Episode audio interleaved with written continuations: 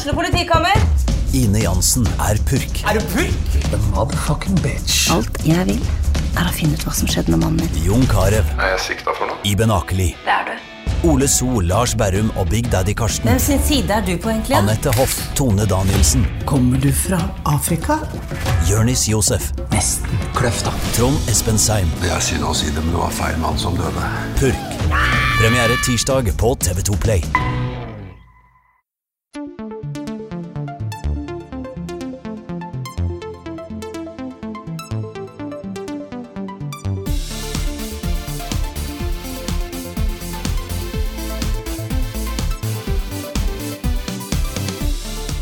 Velkommen til en ny episode av Level Backup, der vi løer hooker og puffer grønt.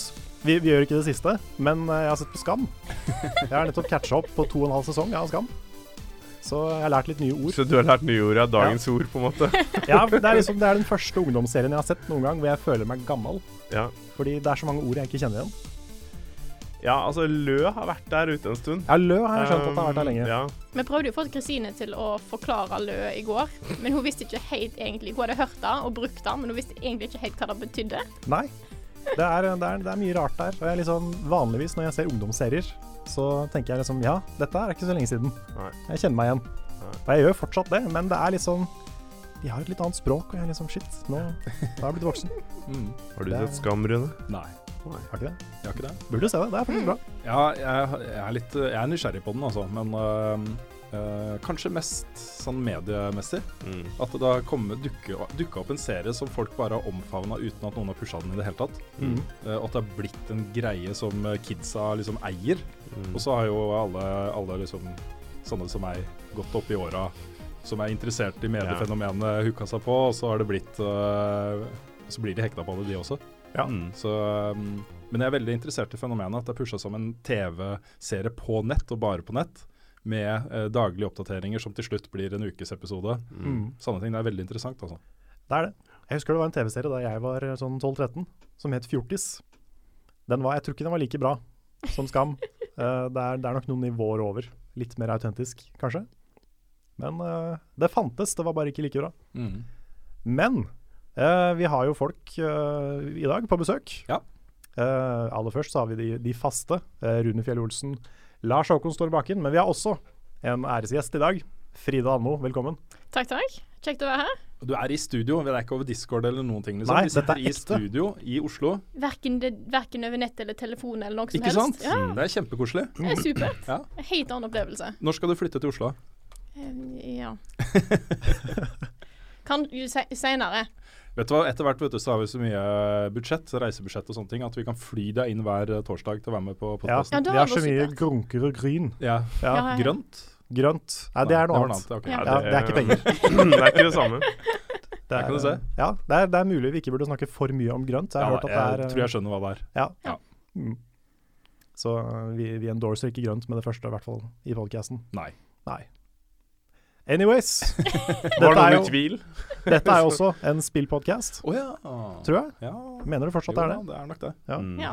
Skal vi, skal vi prate litt om spill? Ja, vi gjør det. Ja. Skal vi bare kjøre på som vanlig? Ja, vi gjør det. Ja. uh, Frida, har du lyst til å begynne? Hva har du spilt i det siste? Jeg har spilt mer Owlboy, egentlig. Jeg Ja. starta jo rett etter jeg var ferdig med anmeldelsen, så spilte jeg Og så begynte jeg på gjennomkjøring nummer to. Bare for å se litt hva de hadde lagt til ved lansering og litt sånne ting. Så da Det er egentlig bare det jeg har spilt. Jeg har gått litt mye i skole. Jeg har, eh, jeg har spilt gjennom Allboy for andre gang og gjort litt flere achievements og lært litt mer backstory og kost meg. Det er noe av det koseligste jeg vet med spill, når man har tid til å spille et spill man liker veldig godt en gang til med en gang etterpå. Mm. At man ikke liksom tar det opp igjennom etter en stund, men at man setter seg rett ned og tar en ny runde. Mm. Så det er, det er deilig, altså. Absolutt. Been there, done that. Jeg har ennå ikke spilt Owlboy, men fy fader, jeg gleder meg. Det er Det er eh, verdt å, verdt å spille, altså. Ja, jeg, jeg, det er ikke noe tvil om at jeg skal spille det, men jeg må ha tid. Det har vært så mye annet å gjøre nå, og mest liksom både Altså mye rett og slett jobb. Det er så mange spill som skulle anmeldes og testes og prøves og sånn. Det er ikke tid til å Det er liksom sånn ikke- pang, pang, pang. Ja. Først liksom uh, Battlefield, og så VF1, og så Titan 2, 2, og så Modern Modern Warfare. Ja, In- så, Infinite Warfare. Ja, ja, det også. Det er Ja. fire spill, liksom. Big Rigs bare- Adventures. Farming Sim. Mm, Yes. ja, Spotting Simulator. Mystic Messenger. ja, for de som har sett uh, bakom-filmen, som er så heldige å um, få se den, de uh, tar den referansen du dro nå, tenker jeg. Mm. Eh, hvilken referanse? Spotting Simulator. Ja, ja, men vi snakka jo akkurat om det. Gjorde vi det? Ja. Ikke på Ikke Nei, kanskje, her. var det ikke Nei, det var var, på på? Det var på Det var bakom filmen. Ja, det Det var var bakom filmen, det var bakom filmen. Men det er bakom filmen. Det er jo bakom filmen som kommer om flere uker. Ja, Ja, det er jo sånn- har- dere som, dere som lever i fremtiden Mm. og har sett bakom-filmen som kommer en gang, Og så går tilbake og går tilbake og hører på den podkasten Eller husker det her. Dere fikk dere en god latter nå. Yes. Ja. Ja. Det er ikke så lett å ha oversikt over alt heller. Nei, you're welcome, og så videre. Men ja, Owlboy. Ja. Nå har jeg også runda det. Og øh, ja, ja, nydelig. Fantastisk bra spill. Mm. Mm. Jeg er så stressa nå, for jeg har fortsatt ikke en fungerende PC eh, hjemme. Og nå, nå har vi begynt å legge litt, litt press da på uh, moderne media, som skulle jo ordne, ordne det for oss. Mm. Uh, vi bare må ha en PC. Vi må det. Ja. Min også begynner å hoste fælt, så Mm. får vel bytte ut uh, utstyret, øh, hele gjengen. Ja, det er liksom Vi gjør ikke hva som helst for en ny PC, liksom, fordi OK, uh, vi har ikke så mye budsjetter, uh, men vi klarer en utgift på si 40 000 da, for å kjøpe to Mm. godt oppgraderte PC-er. I would do anything for tech, but I won't do that. Ikke sant? Det er, det er litt der. Ja. Vi, uh, vi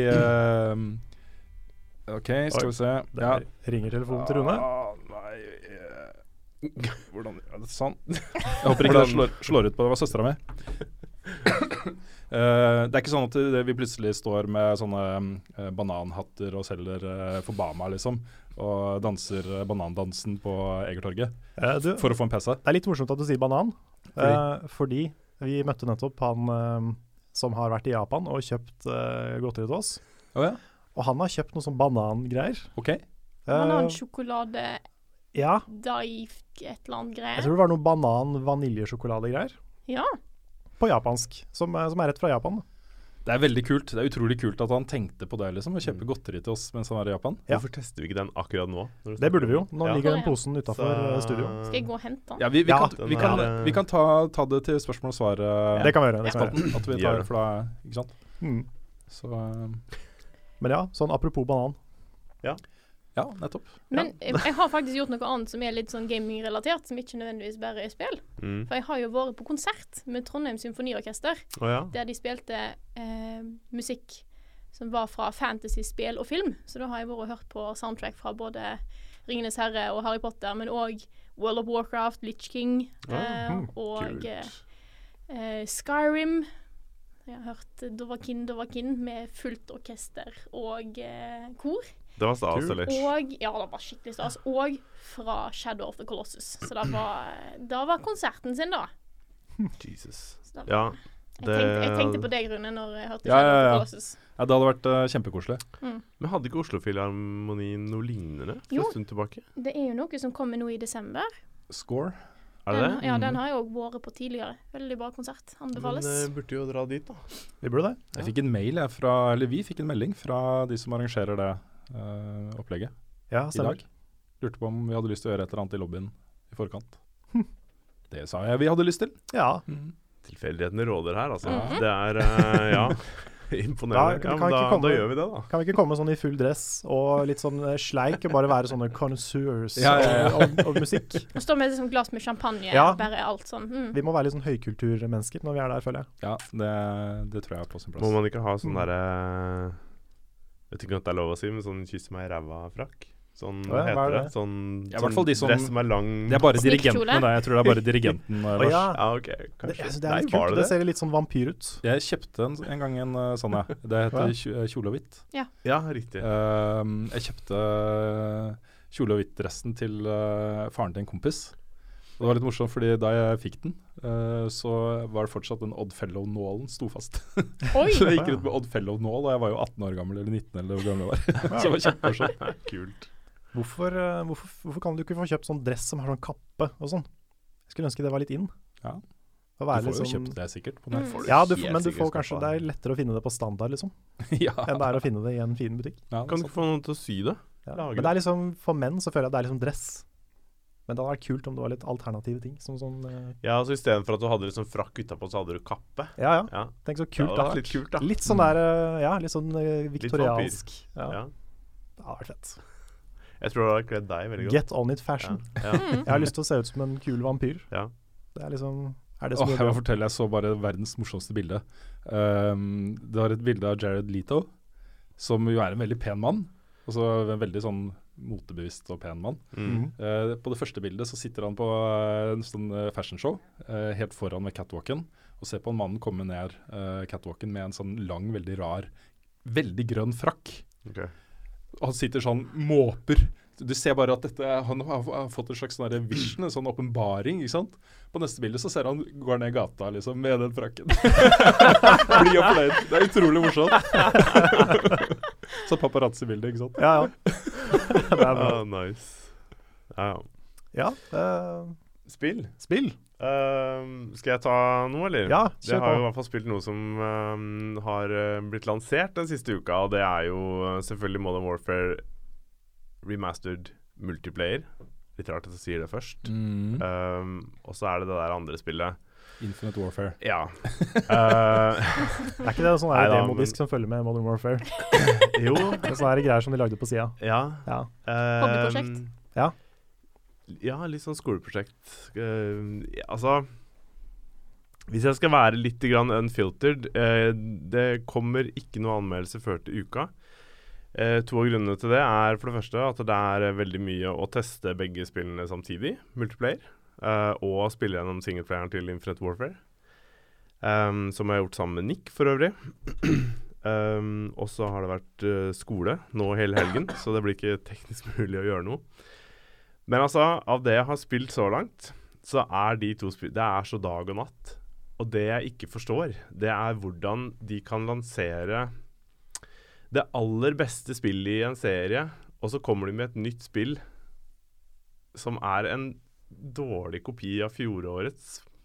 Nå er jeg veldig slem, kanskje, men det, det er sånn det føles. Og at ikke de ser at liksom Hei, dette spillet er ikke i nærheten så bra som dette. Altså det, Eller om de bare de ikke bryr seg om det. Jeg vet ikke. Jeg vet akkurat hva som skjer her. Det er jo at de skal gi ut et nytt Call of Duty hvert eneste år. Mm. Det er greia, liksom. Mm. Uh, det er deres bread and butter. Det er det de tjener penger på. Det er det Mm. aksjeeierne forventer.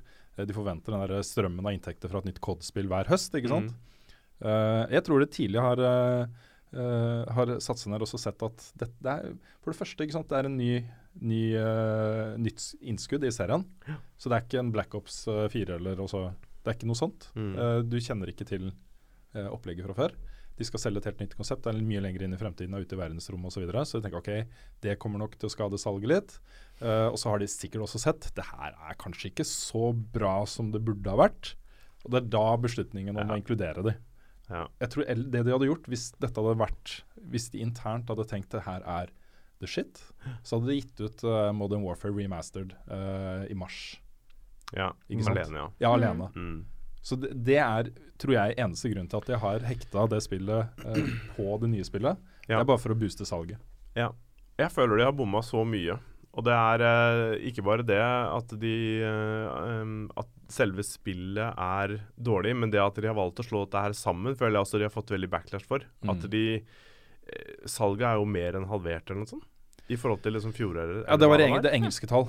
Um, Ja, uansett så er det ganske mye, da. ja, jeg, jeg tror det Um, speiler uh, situasjonen ja. i resten av Og, og det er sånn Og så, hørte jeg argumentene, eller leste argumentene, og det var litt sånn at um, Ja, dette er en ny serie, ikke så veldig etablert, men altså når Black Up Black Ups, faktisk. Black Ops Black kom ut Uh, Level Black Ups. Level Black Up øh, kom ut, så, så ble jo det en salgssuksess. Mm, men Det, det, det, kan bra, du ikke da. argumentere det, det er et dårlig argument, da, Mm. syns jeg. Ja, det er, Um, det er fortsatt Call of Duty. Folk vet sant? hva Call of Duty er. Nettopp. Ja. Men de er så far-fetched. Det å gå inn Jeg har en god del ting jeg skulle ønske var bedre i remasteren, når de først lager en remaster. Um, men det å sette seg ned og spille det spillet, det er tusen ganger mer moderne enn det nye Infinite Warfare. Det var anmeldelsen min, uh, Ja. basically, tror jeg.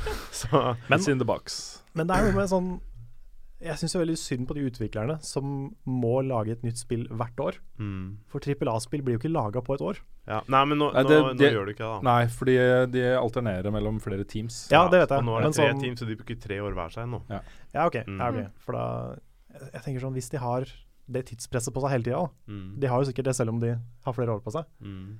Så eh, det sier seg litt sjøl at kvaliteten kommer til å synke, tenker jeg. Mm. Fordi trippel A-spill spesielt tar jo sykt lang tid å lage. Mm. Og så er det også en sånn der juggernaut som du ikke klarer å stoppe når du først har kommet til et visst punkt. Mm. Også Hvis du har satt eh, 200 mann til å eh, jobbe dag og natt holdt jeg på å si, eh, med noe i et år, Ja. og så ser de vent litt, kanskje vi burde ha revurdert litt, grann", så kan de jo ikke det. De må jo bare kjøre videre og gjøre det beste ut av det. på en måte. Mm. Det er eh, svinedyrt å snu en sånn prosess. Mm. Um, kanskje litt lettere hvis du er to eh, unge herrer fra Askøy som eh, bor hjemme hos eh, mor og far. Og, Såpevilje og god tid. Gi dem ni år, så lager de noe dritbra. Ja, ikke sant. Mm. Mm. Men jeg tror vi tok det opp på en uh, stream en gang òg. Jeg syns nesten litt synd på disse utviklerne som har lagd Infinite Warfare. Og så innser de at alle andre sier at nei, det dere har lagd er ikke godt nok, så vi må lansere uh, Modern Warfare samtidig for å få Mm. høye nok salg. Det er veldig morsomt. Douglas Copland har skrevet en bok eh, fra innsiden av uh, spillutviklermiljøet, og da med EA som utgangspunkt. Han har gjort masse dybdeintervju med folk som har jobba i EA og i spillindustrien generelt. da. Uh, og så følger man da et, eh, et lite team innenfor et kjempestort maskineri som sitter og jobber med én liten spesifikk ting for det neste store spillet. Det er så gøy, altså. Det er så morsomt. Og jeg føler virkelig at jeg får et godt innblikk i hvordan det er å sitte i et sånt maskineri og lage spill. Uh, uten noen som helst form for kreativ frihet eller eh, innflytelse på prosessen. Du blir bare bedt om å gjøre ting. Og så kommer det folk og sier nei, alt det du har gjort, det vi bare kaster det, og så må du gjøre dette isteden. Og så sanne ting, da. Bra bok, også. Anbefales. Ja, det er jo Altså, hva skal man si? Det, det kan ikke føles veldig givende eller kreativt Nei. å jobbe sånn. Og skal det også sies at, eh, at eh, det er litt fordomsfullt å bare skjære alle over én kam der. Mm. Eh, det sitter jo folk med kreative drivkrefter og, og lyst til å gjøre Absolutt. noe bra, også i svære Mm. Triple A-team. Mm. Eh, ikke minst så gjelder det et spill jeg skal snakke litt om eh, når vi er ferdig med dette. Ja. så Ja, jeg skulle bare si en kommentar i forhold til den, eh, de som har laget det spillet. Um, for folk som ikke kjenner bakhistorien, så er jo det samme utvikler. Det er jo Infinity War som lagde originalen, og så er det Infinity War som har laget Infinite Warfare. Men problemet er jo det at det er Raven Software som har remastera uh, Modern Warfare. Og det Infinity Ward som sitter der og lager Infinite Warfare, det er jo ikke det Infinity Ward som lagde Call of Duty 4. Neida. Så, så det er på en måte Det er Response som sitter og lager Titanfall. Ikke sant? Som Ja. lager Titanfall. Og det, sånn, og det ser man sånn teknisk, at uh, det er forskjell på kvaliteten her. Men det er um, Ja, og når jeg ser kommentarer om at folk liksom bare sier sånn at uh, Har de ikke kjennskap til sitt eget spill, for de kommer med en kommentar og klager på remasteren. Og så tenker jeg sånn Det er ikke de som har remasteren, og det er ikke de samme folkene som har lagd så hvordan i verden skal de vite hva de egentlig har gjort? Mm. Ja. Mm. Men um, Nei, det der, altså. Det er et uh, noe av de mer merkelige utgivelsene jeg har vært uh, utfor. På en god Kan ikke stund. du være litt sint i anmeldelsen? Prøve å være litt sånn sinna, Lars. Kan ikke du prøve? Ja. Jeg har lyst, å være men jeg prøver å anmelde dette sammen med Nick. Ja. Så um, Kanskje få Nick til å være sint òg. Ja. Jeg, jeg har lyst til å se Nick slakte et spill. Ja. Det har vi ikke sett ennå. Det, det har vært litt morsomt. Altså, ikke at eh, nødvendigvis det fortjener slakt, det er ikke det jeg mener. Men jeg skal men, si en ting da som faktisk er litt positivt. Vi har spilt singleplayeren. Uh, Nick er nok kanskje litt mer positiv enn meg, men det har elementer som er bra, og som er positive. Men det er ikke nok, da. Ja. Jeg har litt lyst til å spille Hvis jeg skal spille singleplayer av det spillet, jeg kommer nok ikke til å gjøre det, men hvis jeg skal gjøre det, så har jeg lyst til å spille på easy mode. Bare ta det som en, eh, en, Mm. en sånn guida tour inn i noe fett. Det som er veldig morsomt, er at du kan spille det på easy mode, men du kan ikke spille det på easy-easy mode. Okay. Du må runde det på easy før du får runde det på superlett. Og det skjønner jeg ikke hvorfor. Hæ? Det er veldig merkelig. Du må unlocke very easy. Yes, du må det! Det er, det er så rolig. For til slutt så kom vi til et punkt hvor vi vet du hva, dette her kan vi spille det på easy, liksom. Og så så var det bare sånn her Å ja, vi får ikke lov å spille det på super-easy fordi det er låst. Det er jo insane. Men jeg husker i, i Catherine på Ja. PlayStation 3 og 360. Ja. Der måtte du skrive inn en kode for å få very easy. Måtte du det, ja? Ja. ja okay. Det er sikkert noe sånn her også. Ja, det kan godt hende det er det, altså. Kanskje. Men, men det er um, Det var veldig sånn der Ja vel, det var et spesielt grep, men det har sikkert en mening bak det. De har jo yolo-mode også, som du Mm. kan unlocke etter at du har unlocka Du må runde det på høyeste vanskelighetsgrad. Superior, Supreme, et eller annet sånt noe navn. Det har et spesielt navn. Mm. Ja. Da kan du unlocke det på yolo, som er å r- det på ett liv. Mm. Men um, Sier du runde? Jeg sier alltid runde. det er eh, Ja, det var et dårlig ordvalg. Ja, men det er mange, ja, men, mange, som, um, mange som gjør det. Det er ja. mange som sier runde istedenfor runde. Ja, jeg gjør vanligvis ikke det. Hva, hva Men, sier eh, dere, dere andre her? Jeg sier runde. Ja. Jeg ble veldig usikker. Ja. Ja. Eh, For jeg tenker på å runde, at du har kommet deg gjennom, liksom. Ja, Du har men, det, rundet men det er det jeg tenkte rundt hele banen. Men når jeg sier runne, så tenker jeg liksom at det er ett run. At du kjører ett løp. Ja, altså, ja, for det sier jeg jo. Sånn derre der eh, no items run. ja. Mm, Eller ja, ja. et Nuzlocke run, på en måte. Ja. Det sier jeg. Så det var kanskje en dårlig Jeg tenker fullføre da, når jeg bruker det ordet. Så. Jeg bruker Jeg sier å runde, eh, runde Altså å runde, da. Ja. På en måte. Altså, jeg har ikke Ja, nå ble jeg Nå plutselig kunne ikke jeg snakke lenger, merker jeg. Men eh, ja, Det er Jeg så cringy når vi bruker engelske ord, altså. Mm. Så cringe. ja. Vi lar det ligge med det. ja. ja, skal jeg ta over? Mm. Ja. Jeg har, gjøre. jeg har spilt mer Owlboy, men jeg har også spilt, uh, begynt på World of Final Fantasy. OK. Uh, og det spillet er vanskelig å snakke om. Fordi man skal jo liksom helst være og se det litt fra utsiden, uh, dømme spillet for det det er. Men jeg klarer ikke å legge fra meg det jeg skulle ønske det var. Eh, for det er jo et uh, veldig sånn fan, uh, fanservice-spill, hvor du besøker en sånn der fantasiverden som er basert på diverse Final Fantasy-spill. Du møter Final Fantasy-figurer fra tidligere spill. Litt sånn Kingdom Hearts-elementer, bare med Final Fantasy-verdener, da. Um, men jeg, jeg syns dialogen er så dårlig, og historien er så sånn Jeg vet ikke, så enkel. Den er liksom ikke Jeg føler ikke det er noen sånn ordentlig visjon. Det er bare sånn random, litt sånn rar Passer ikke Final Fantasy, syns jeg, da. Mm. Og så liker jeg ikke den stilen spesielt godt, for de har jo tatt- de der spritesa fra de gamle spilla og laga sånne veldig små som ser ut som de der pop-hodefigurene som du får kjøpt på Outland og sånn. Jeg syns ikke de er så veldig fine. um, Her var det mye å plukke på, syns jeg. ja, Ja. eh, men det er, altså jeg liker det veldig godt. Det er jo Final Fantasy møter Pokémon, sånn gameplay-messig. Så det er jo Jeg burde jo elske det, liksom. Og jeg syns det er bra. Jeg syns det er gøy å spille. Men jeg klarer ikke helt å legge fra meg liksom hva det kunne vært. da Hvis det, hadde, Mm. hvis det isteden hadde vært basert på de originale konsepttegningene for Final Fantasy 1, 2, 3, 4, 5. Ikke sant? Hvor utrolig kule de er. Og hvis de hadde lagd det, hvis de hadde putta liksom en moderne spinn på gamle spill, istedenfor å lage sånne små, søte chibi-figurer Mm. Det kunne blitt så kult. Det er, Eh, er litt interessant. Jeg fikk en uh, melding fra en uh, tidligere spillutvikler. Jeg skal ikke si hvem det er, for jeg har ikke uh, spurt om det er greit å oute, oute han eller hun okay. i podkasten.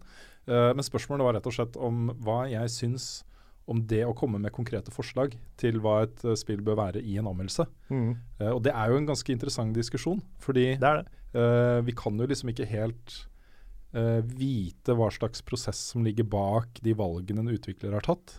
Kanskje de har liksom testa ut ting som da man foreslår og funnet ut at det er ikke gøy allikevel. Så sitter man her og så liksom Dette hadde vært et mye bedre spill. Og så det blir en litt vanskelig Mm. Ja, ja.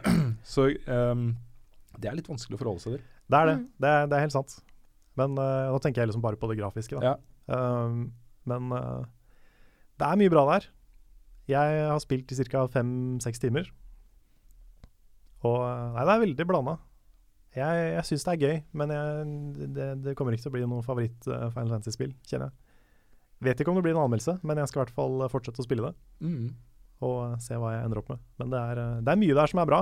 Eh, Det er jo, Hvis du liker Pokémon, hvis du liker Final Fantasy, så finner du et eller annet du liker der. Mm. Men det er jo veldig overfladisk. Det er uh, fanservice. Jeg ser, i hvert fall foreløpig, så ser jeg ikke noen sånn visjon om å fortelle en stor, flott historie her i det hele tatt. Og jeg føler liksom at et, et spill i den sjangeren da, mister en del når ikke du har den gode historien. Det kan hende den kommer, men jeg har ikke merka noe av den ennå. Mm. Så ja. Det er uh, bra, men okay. foreløpig. Er det min tur, endelig? Ja, da er det din tur. Det er jo ukens mest interessante spill. Ja. Ja. Dishonored 2. Yay! Yes. Det er jo litt dritt. Vi fikk det liksom dagen før embargo, uh, og det er Det er et innmari svært spill. Vi snakker sånn uh, måten jeg spiller det på, i hvert fall. Kanskje 20 timer for å komme gjennom. Mm.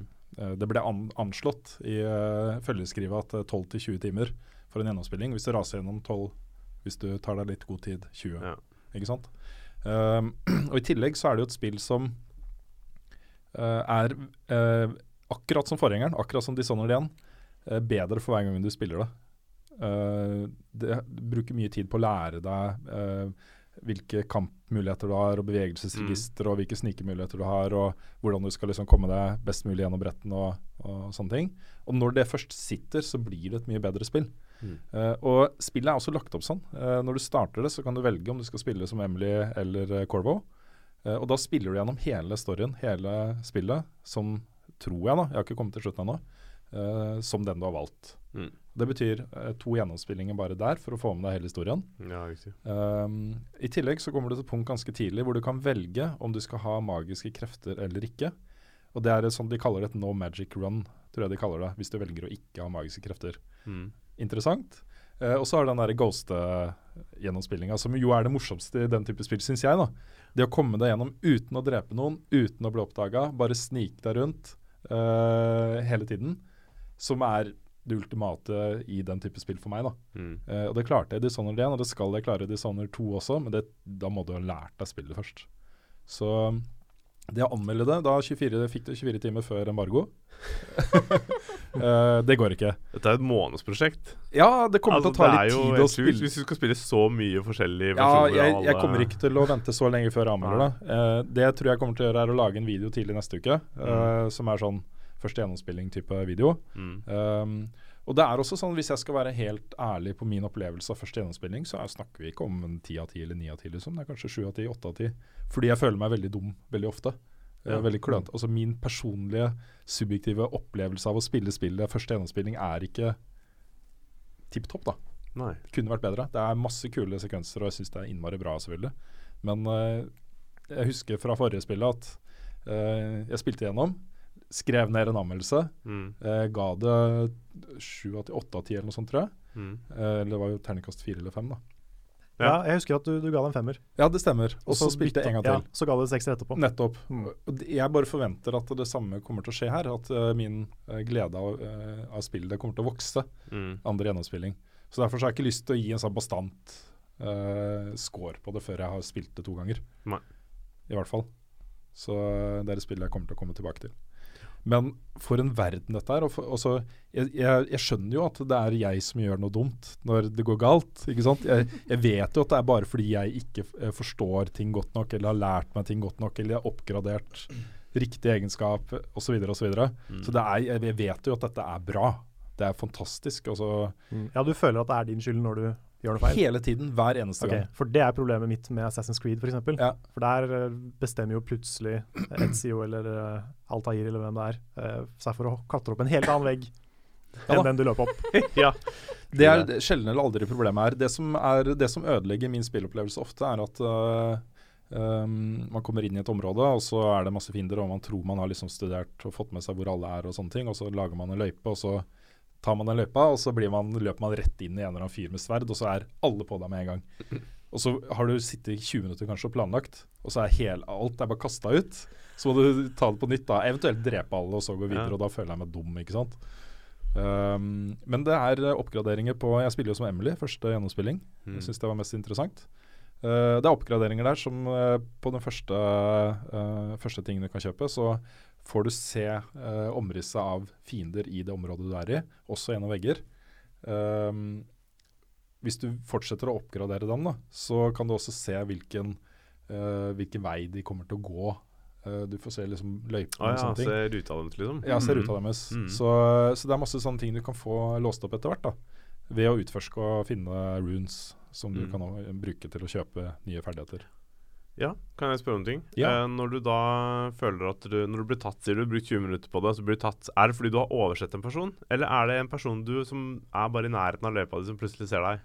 Uh, som regel fordi jeg har oversett en person. Ja. Um, men, men de leker litt med det også. Jeg kan ta et par eksempler. Um, Det er én sekvens hvor du på en måte skal gjemme deg for noen ganske farlige folk. Mm. Eh, og du kan jo velge å ikke gjøre det, f.eks. Mm. eller å bare plutselig dukke opp for å drepe dem, eller hva som helst. Mm. Um, jeg gjorde det da, uh, første gang. Um, og det som skjedde, var at han ene ble bare oppløst til masse rotter som spiste meg opp. oh ja. Wow. og da var det så Ja, OK, greit. Det var de ti minuttene. det andre, andre eksempelet var at ko- jeg kom inn i et så lite spug. Og så står det da en person midt på bare 'Hei, du, du, du må hjelpe meg! Kom hit, du må hjelpe meg!' Og så kommer jeg Mm. bort, og så trekker hun sverdet, ikke sant? og så kommer det fem stykken. Ja, Fem ikke av sant. kompisene hennes. De lurer deg, liksom. Ja, jeg, sy ja. altså, jeg syns det er gøy, altså. Jeg syns det er morsomt. ja, det er kult. Så jeg har ikke Um, følt en eneste gang at jeg er så frustrert at jeg har lyst til å slutte spillet. Jeg, synes, jeg er veldig veldig spent på fortsettelsen. Jeg, er veldig, jeg syns det er eh, veldig interessant. Jeg, Mm. jeg liker å utforske de områdene og sånt. Men uh, de områdene jeg har vært i nå jeg er litt skuffa av meg selv, altså, fordi det ligger jo lik strødd overalt. og jeg har blitt oppdaga mange ganger, og det er liksom Det er ikke sånn jeg vil spille det spillet. da. Nei, jeg ser den. Men altså, er, jeg skjønner at det kan fort bli litt sånn Hva skal jeg si Når du blir oppdaga sånn, så blir du frustrert, for du har brukt 20 minutter. Og Mm. da er det liksom den enkleste utveien, ikke sant? Ja da. Men øh, setter du deg ikke ned og prøver på nytt? Jo da, jeg gjør det også. Men, jeg tenker sånn Men så kommer jeg til sånn et punkt hvor jeg tenker OK, nå har jeg vært, vært en time på et sted jeg burde, burde bruke ti minutter på. Ja, Uh, nå er det, jeg må bare komme meg videre. Jeg skal anmelde dette spillet også, liksom. ja. Og jeg, jeg har liksom Øynene mine er festa litt på gjennomspilling nummer to. Mm. Uh, og um, jeg, jeg tar det liksom som sånn training run. Ja. Men det er, jeg kan føle meg ganske sikker på å si at uh, jeg virkelig anbefaler dette spillet for de som liker den type spill.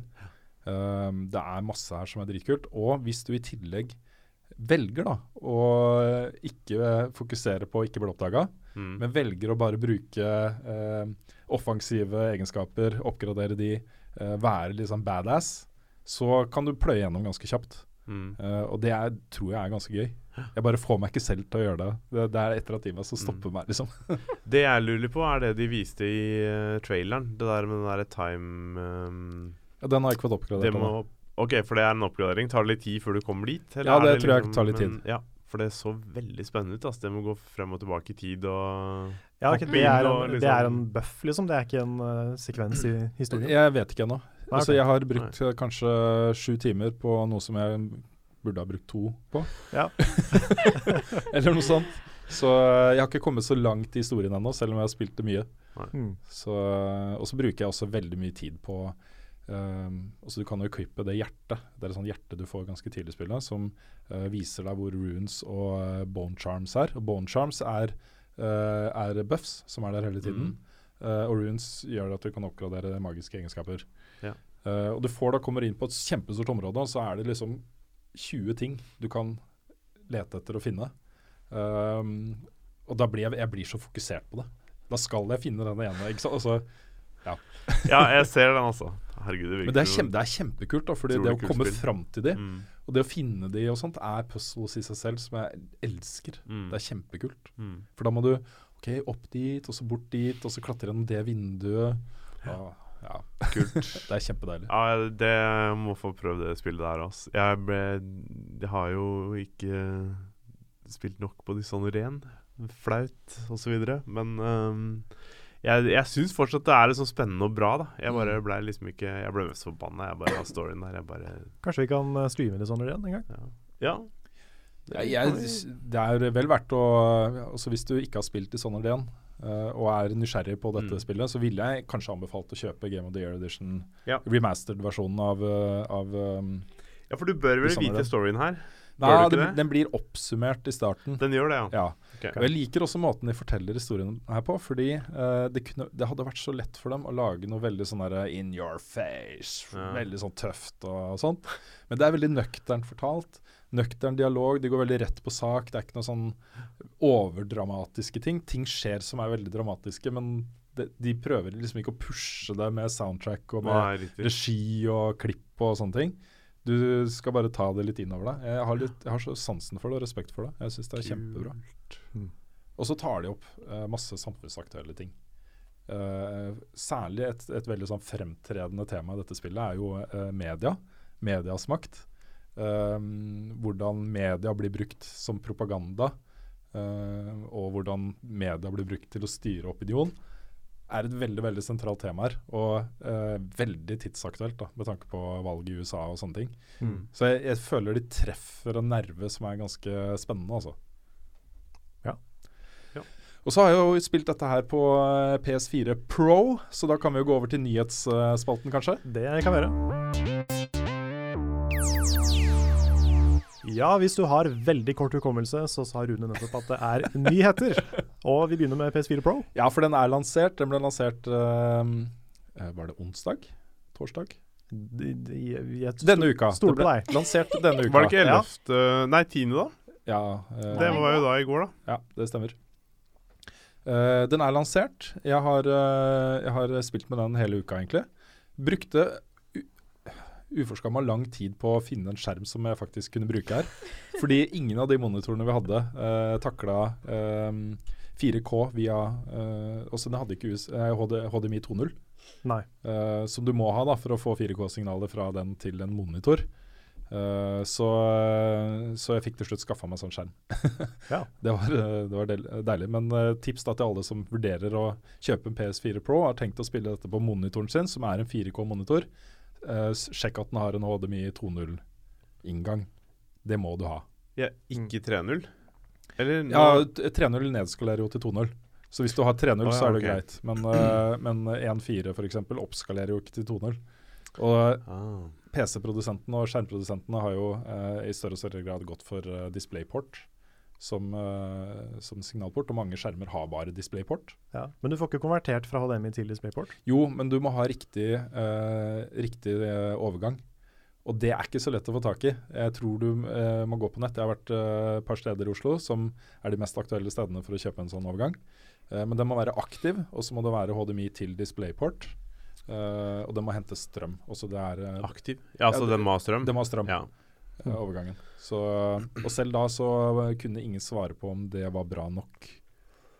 Så det enkleste og tryggeste er da enten en TV med For de har jo HDMI 2.0, um, 4K-TV, Mm. eller da en monitor som har HDMI 2.0.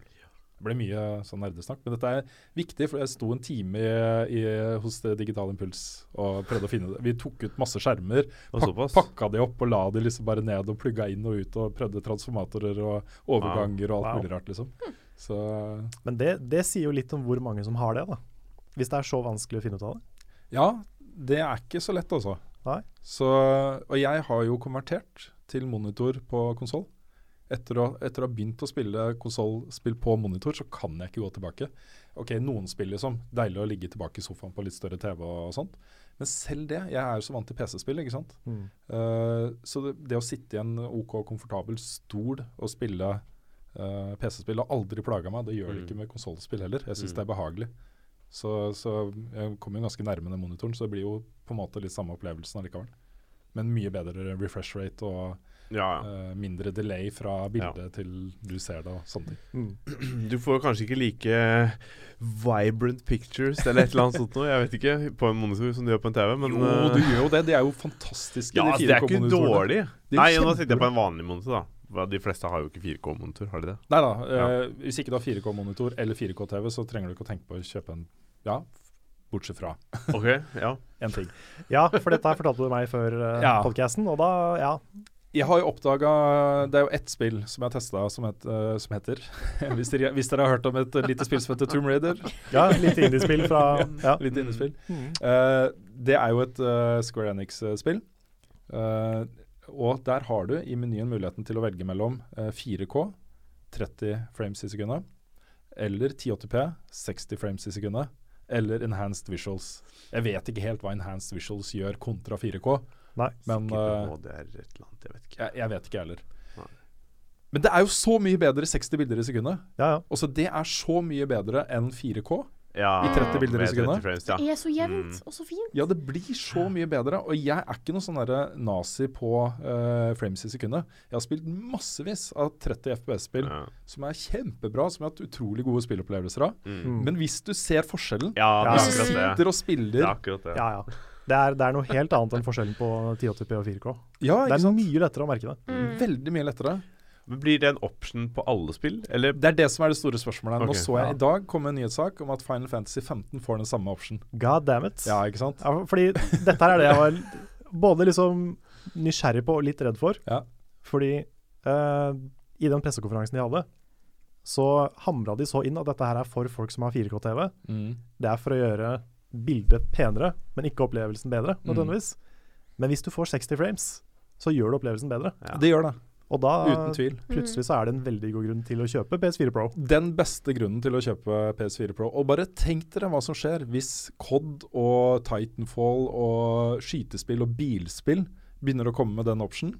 Mm. Og du sitter der, og du er kanskje del av en klan som har lyst til å være med i turneringer og sånne ting. Det er jo Ja. en megaforskjell. Da, har jo allerede 60 frames, da. ja, Ja og dette er jo det du ser på all, alle PC-spill. Kan du kjøre i Altså hvis de er faktisk lagd ordentlig, så Ja, kjører de jo 60. Skulle til å si at det, er, det, Det er finnes noen strenge unntak. Ja. ja. Men uh, du har det jo på PC, Mm. og hvis da For det, det var så mye snakk om at du trenger ikke PlayStation 4 Pro hvis ikke du har en 4K-TV. Mm. Men det 60 frames er fint, altså. Ja, det er kjempebra. Men Ja, da er det jo plutselig ikke interessant med 4K lenger. Er det det? Altså, Nei, da da kan du- da kan- Nei, det altså, nå, nå, er det jo, nå er det jo noen spill, og jeg kom til skade i forrige episode av Level Update til å si at uh, den ikke kan kjøre 4K 60 frames i sekundet, men det kan den. Noen spill vil kjøre det. Okay. Ja. Uh, og da, har, også, da får du pose og sekk. Da får du 4K og 60 frames i sekundet. Det er sant. Mm. Så, så det er jo en uh, soleklar for, også, Det er en oppskalering. Men er det, er det bekrefta at Tomb Raider og Final Fantasy 15 ikke har 60 frames på den vanlige? Ja da, det, det er ikke mulig, ikke mulig ja, På den vanlige, det vet jeg ikke. Nei, Det er jeg usikker på. fordi eh, Ja, for det, hvis det stemmer, så er jo det Ja, jeg, jeg tror det. Jeg tror det, For jeg tror det er en ting de eh, ser på ganske tidlig i eh, utviklingsprosessen. mm. Klarer vi å kjøre 1080p 60 bilder i sekundet? Eller må vi nedskalere grafikken såpass mye at, at det påvirker spillopplevelsen spilleopplevelsen? Mm. Og så tar de et valg. Ja, for Final Fantasy 15 er et såpass tungt spill. Jeg merker jo det bare når jeg spiller en demo, at det, det kjører jo PS4 ganske hardt. Så jeg tviler på at det er 60 frames på den vanlige. Ja, jeg tviler også på det. Det er jo uh, uvanlig, uh, vil jeg si, å levere uh, 60 frames i sekundet i det hele tatt på PS4. Mm. Det er ikke så ofte jeg opplever at eh, det er standard. Nei, det er mer sånne små spill. Eh, Mm. Sånn som Resogun husker jeg var i 60 frames. Det Bound tror jeg var i 60. Hva da? Mm. Bound. Ja, Bound var kanskje i 60. Mm. Jeg vet ikke hvordan det er med Titanfall og Battlefield og eh, COD og sånt, det, Lars.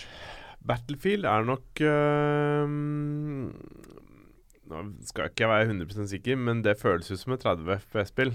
Eh, det gjør det.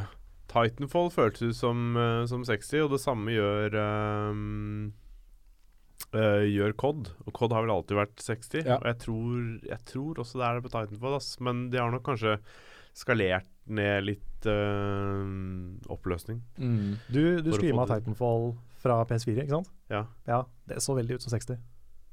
Ja, jeg, jeg tror det er det. Ja. Altså, for at du, du ser det på de opptakene jeg tok til, eh, til anmeldelsen også. Det er Mm. utrolig smooth, og det, mm, det Jeg er usikker på de tekniske detaljene, men jeg tror jeg hadde merka det hvis det hadde vært 30. Mm. Men en annen ting da, som også er en, eh, et uh, viktig argument for sånne som oss, og for uh, veldig mange andre som uh, liker å publisere video av spillinga si på YouTube f.eks. Uh, PS4 Pro kan uh, rekorde video og streame video i 1080p 60 FPS. Ja, På, nice, da. på vanlig Mm. PS4 så er det 720p 30 Mm. FPS. Mm. Det er en markant forbedring, altså. Da er en forskjell. Så, så der, der, der har du et godt argument. Er det opptakene Mm. også? Opptakene også? Hvis du trykker save file, liksom? For Men kunne du ikke ta opp er lenger sånn. Jo, eh, du kan eh, ta opp eh, inntil en time med video. Da tror jeg uh, at den gjør noe med FPS-en. For jeg tror den prøver å holde filstørrelsen under 4,7 gigabyte. Ehm, så da kan det hende at ikke du får eh, 1080p 60, men at du får 1080p 30. Ja. Mm. Uh, så jeg skal eksperimentere litt med det og se hva forskjellen er. For jo lengre, jo bedre. Da kan du bare trykke rekord og så spille, istedenfor å Å, der skjedde noe kult, og så tar det opp den siste kvarteret, sånn som det er i dag. da. Ja, er, den et, er PS4-en i et sånt filformat som gjør at den begrenser filstørrelsen? Jeg vet ikke. Det er FAT32, men jeg vet ikke om det er den som begrenser det eller ikke. Jo, Jo. uh, FAT32 er vel maks 4 gig. Ja. det er det. er det ikke det? Mm. Den andre NTFS. NTFS, NTFS, ja. Mm. Der kan du ha svære. Ja. Men det, det kan hende at den splitter filer. Men det står det når du skal velge disse greiene her, så står det at uh, jo lengre opptak Hvis du har lange opptak, så kan det påvirke bildet Altså innstillingene på bildekvaliteten. Okay. Så, uh, så Ja, Forringes de underveis, eller fra starten av? fra starten av. Uh, jeg tror uh, også Enten så starter du et opptak og har stilt i maskinen til å ta opp en time. Mm. Da vet jo maskinen din hvor lenge du har tenkt å ta opp. Mm. Eller så rekorder du det du har spilt siste timen, og da vet den også hvor, uh, hva du har satt opp. ikke sant? Ja, for da er det eventuelt å finne sweet spoten på hvor, hvor lang tid klarer du å ta opp Ja, innenfor sant. den fire Jeg vil tro 30 minutter er innafor. Ja. minutter, For det er da 1 minutt og 5, Ja. 15-30 en time, tror jeg. var Ja, ikke sant. options. Mm. Um, Mm. Så ja. Trenger ikke opptak lenger da. Sånn seriøst, liksom. Nei. Det, Nei, det er noe med det. Ja. Men sånn eh, jevnt over da, så er det de tingene som jeg er mest uh, fornøyd med når det gjelder PS4 Pro. Og jeg er veldig glad for at jeg har den. Um, det har ikke markant, men det har forbedra spilleopplevelsen min. Um, den er eh, digg å bruke av de grunnene, rett og slett. Så ja, det er jo en slags anbefaling. Jeg trodde jo liksom at jeg kom til å sitte her og så si hvis ikke du har 4K-TV, bare drit i det, liksom. Men det Mm. kan jeg jo ikke si lenger. Det er jo det Sony har kommunisert hele veien. ja, det er jo det. Mm. Fordi jeg føler alt det du har sagt nå, så tenker jeg bare sånn herre Jeg kan ha masse glede av den her med den uh, 1080p-skjermen jeg allerede har, liksom, Mm. med 144 hertz. Ja. Jeg kan ha liksom kongebra spilleopplevelser, mye mer enn jeg ville fått av en 4K, tenker Mm. jeg, da. Men hvorfor har ikke altså, hvorfor har ikke Sony presentert dette her? De kunne jo hatt tidenes uh, salesargument. At du får way of the future. Ja, jeg vet ikke om folk selge nye ting, det. da. Jeg vet ikke om folk flest forstår liksom forskjellen på 30 og 60 FPS.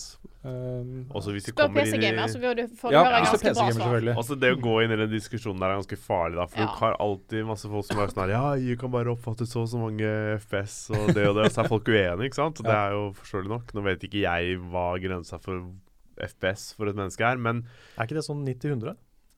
Det, jo, det kan godt hende. Men det som er greia, er at det, uansett om du oppfatter de eh, Om du klarer å se alle framesene eller ikke, så merker du forskjellen på bevegelighet og hvor smooth det er. Mm. Om det er 30, 60 eller 120. Mm. Altså Du merker den flyten mye bedre. Hvis jeg setter inn Jeg har jo en 120 hertz-skjerm. Mm. Og hvis jeg endrer den fra 60 til 120, Mm. så merker jeg det bare på vanlig bruk. Mm. Du ser en forskjell på hvordan data, eller den pila Mm. flytter seg.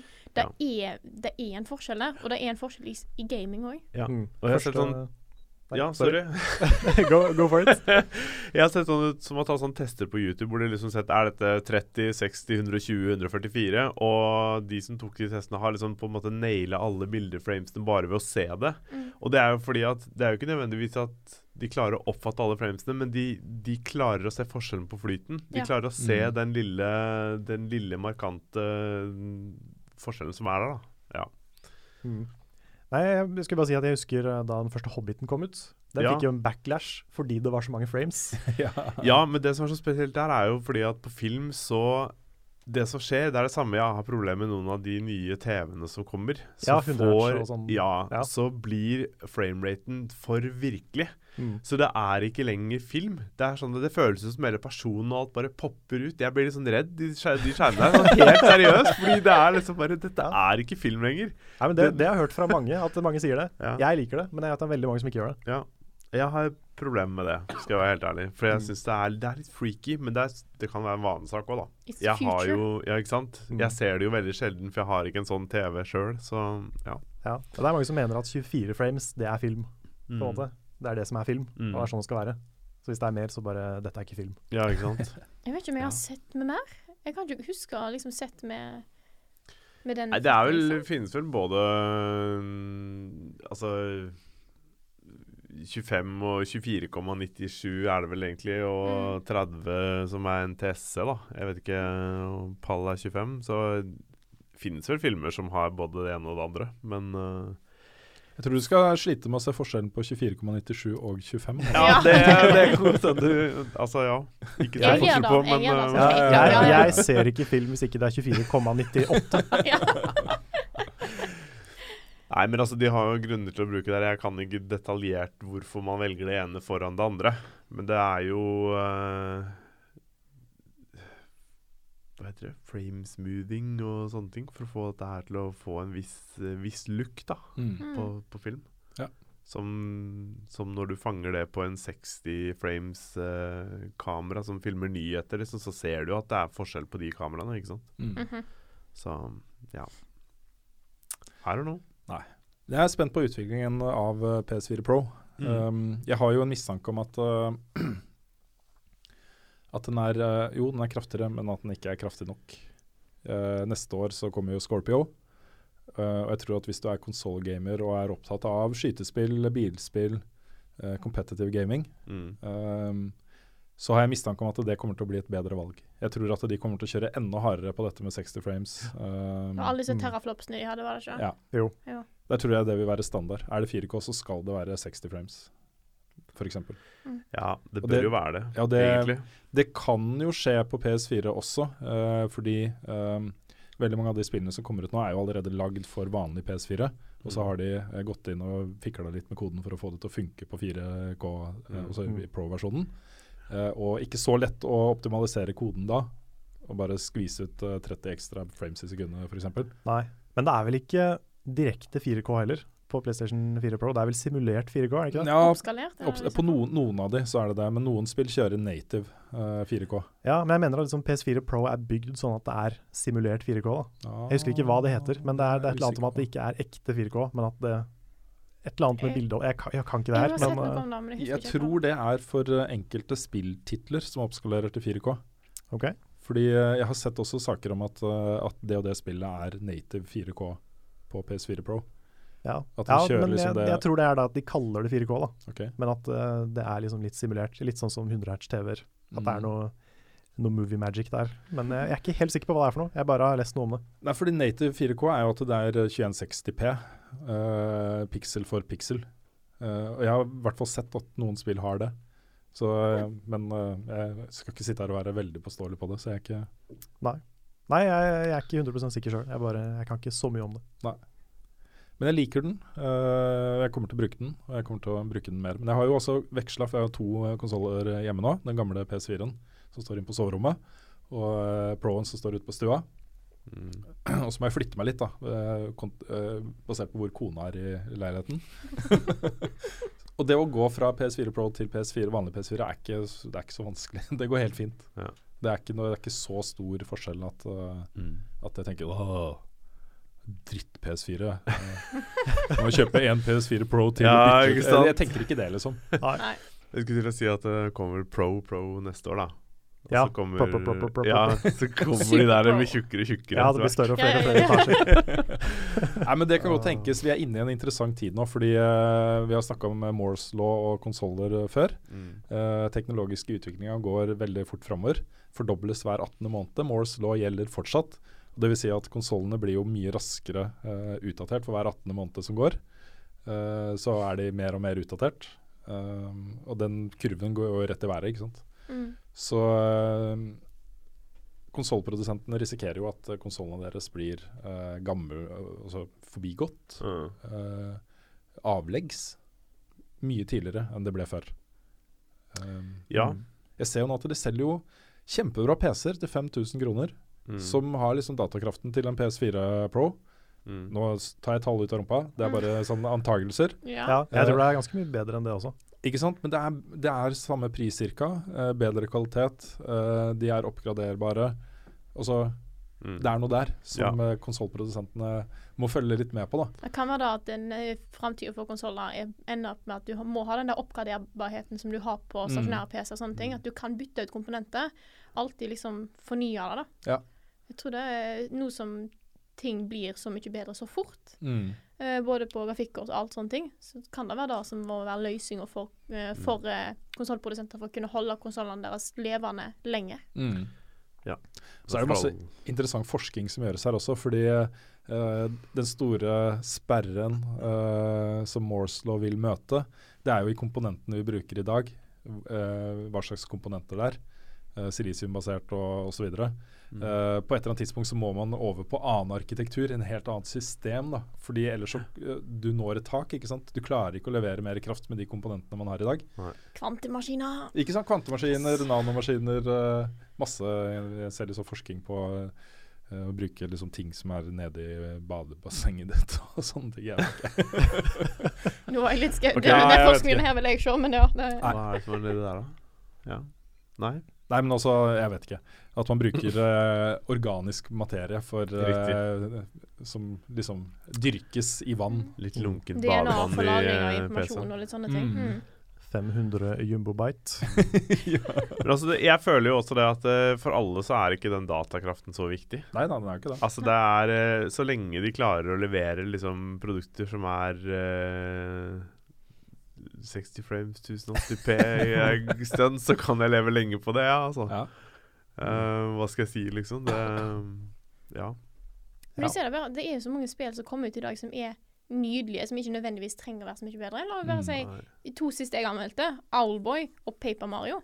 Det er visuelt sett nydelige spill som Ja. kjører på bra oppløsning og FPS, Ja. FPS, liksom, uten problem. Ja, Ja, mer, da, mer datakraft vil jo ikke forbedre de spillene Nei, en millimeter. Det er noen av de spillene jeg har spilt nå hvor du ser uh, mennesker som uh, er dataanimert, og som begynner å bli så ekte at det er litt freaky. Mm. Så det er, uh, det er sånn Det holder nå, på en måte, føler jeg. Det er ikke noe vits i å ha noe Da kan du gå over til filme the real istedenfor.